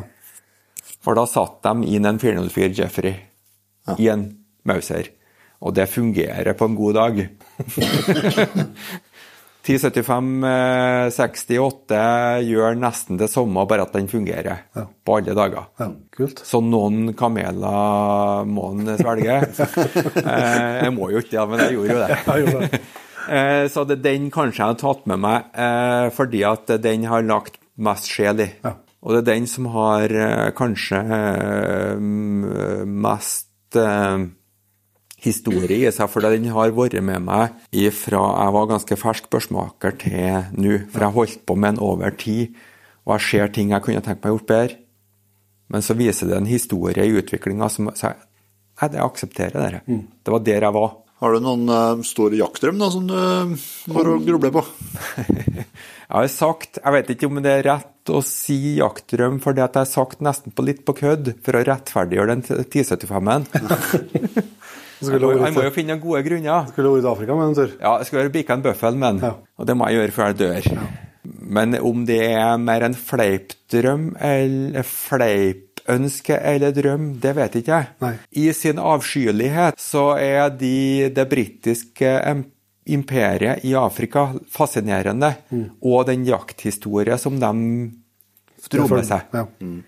Eh, og, jeg, og jeg ser og vet at dette er bygd på undertrykkelse. Men så er det en rar form for mannlig eh, romantikk oppi det hele. Eh, Jeg påstår at eventyrlyst, eller altså- Eventyrlyst, ja. Jeg, vil jo påstå, jeg har jo påstått eh, høylytt at eh, mannfolk er minst like romantisk som damer, bare at vi er på andre ting. Jeg syns du skal dra til Afrika og skjøtte den bøffen. Ja, vi, vi må jo det. Men jeg må jo finne et hølrom, da, i, i tids... eh, Jeg må, må jo rydde plass. Og på en normal sommer, da, så jeg jobber jo som lærer, og så tenker jeg at du, du har jo så mye lang sommerferie. Har ikke det, vet du.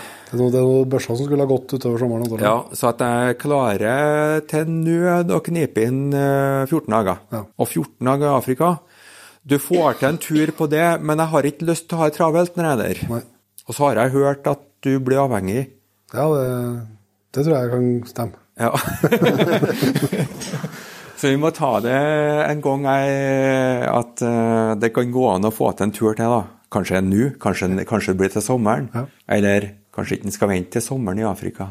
Ja, det er jo Det er visst varmt der. ja, litt hvor du skal hen. Ja. er du langt sør, så er det jo vinter. Ja, Så det, er jo, det. er jo perfekt for de som er glad i norsk klima. Nei, det må, det må tenkes videre på. Er det noen uh, jakthistorie, jaktminne du kunne ha delt med oss uh, før vi går fullt ut? Nei, jeg har jo, har jo egentlig delt mitt sterkeste minne med første hjorten. Ja, det skjønner jeg at den uh, Eh, altså at det var nok uh, Og det jeg kan kombinere med en opplevelse i, fra høsten. Jeg har jo så dårlig minne noen ganger at jeg må jo ta siste høst.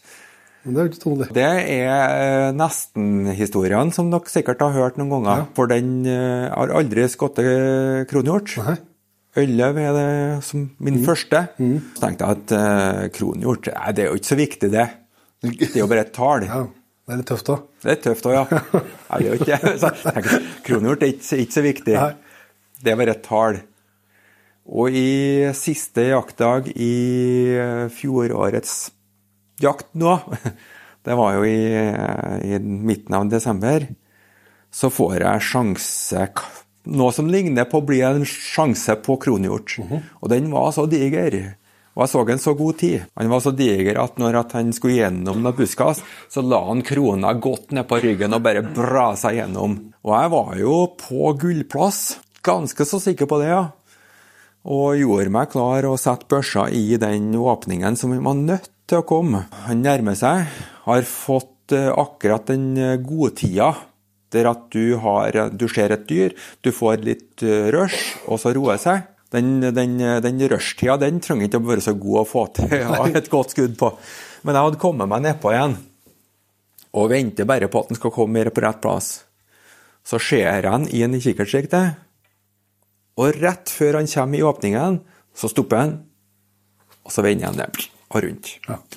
Og den var diger. Og det, men det som er så greit med Sondre, da, er at eh, jeg har fremdeles ikke skutt en kronhjort, og den har jeg da til gode. Ja. Eh, jeg slapp å vomme ut alt det griseriet der.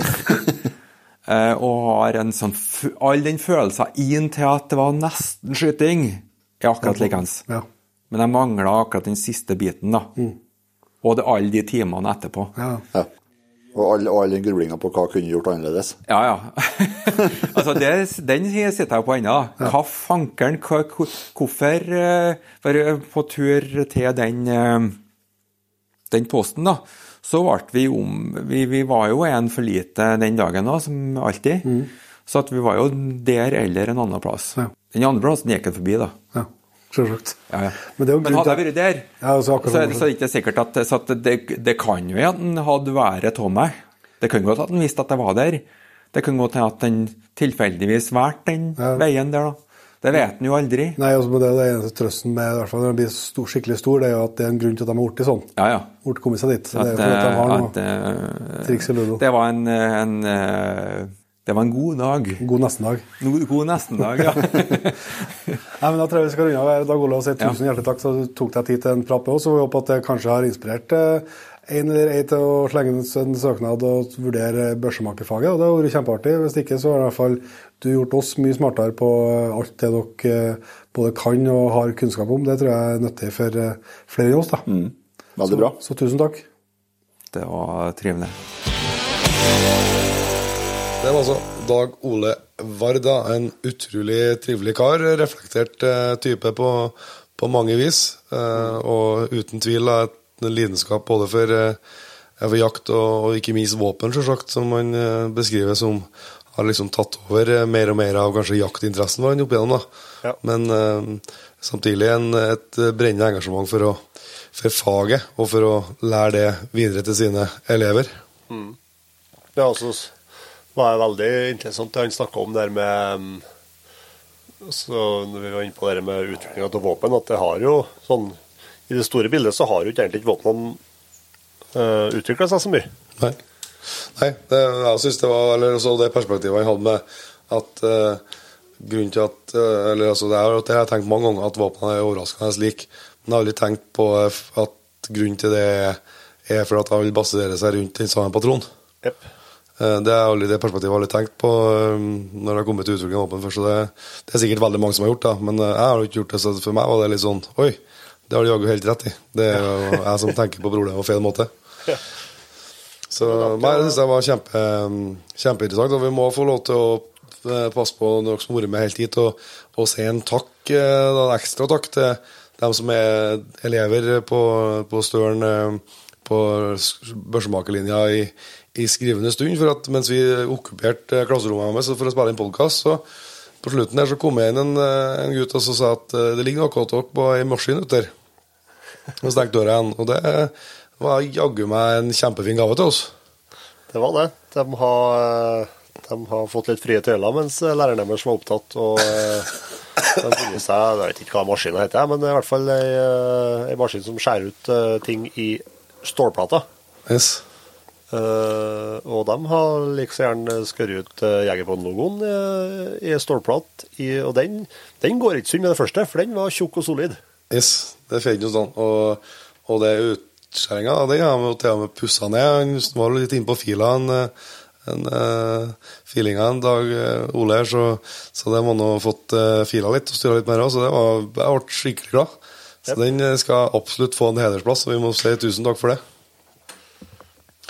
Så det, men da skal vi begynne å gå inn for eh, landing. Eh, Det nærmer seg slutten her, så men vi skal jo få lov til å ønske de nyankomne inn i Patrion-jaktlaget hjertelig velkommen før vi, vi stopper helt opp.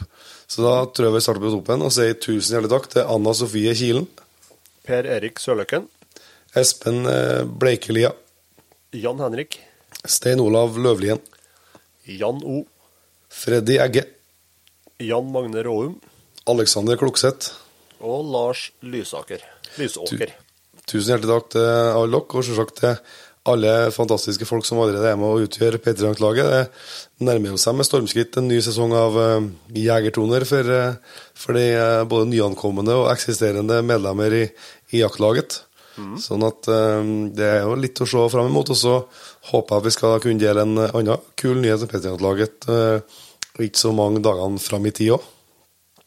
Så vi prøver jo stadig å finne på gode ting eh, for å gi litt ekstra tilbake til våre venner der. Yes. Nå hører jeg at stemmen din holder på å slite, så nå tror jeg vi må avslutte. Ja, det er ikke bare stemmen som litt. så jeg tror vi gjør som du sier, vi runder av, og så sier vi som bruker noen til neste gang. Vi høres.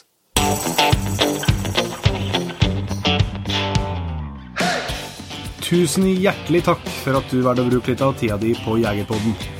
Sjekk ut jegerpodden.no eller eh, din favorittpodkastspiller for enda mer innhold og flere episoder.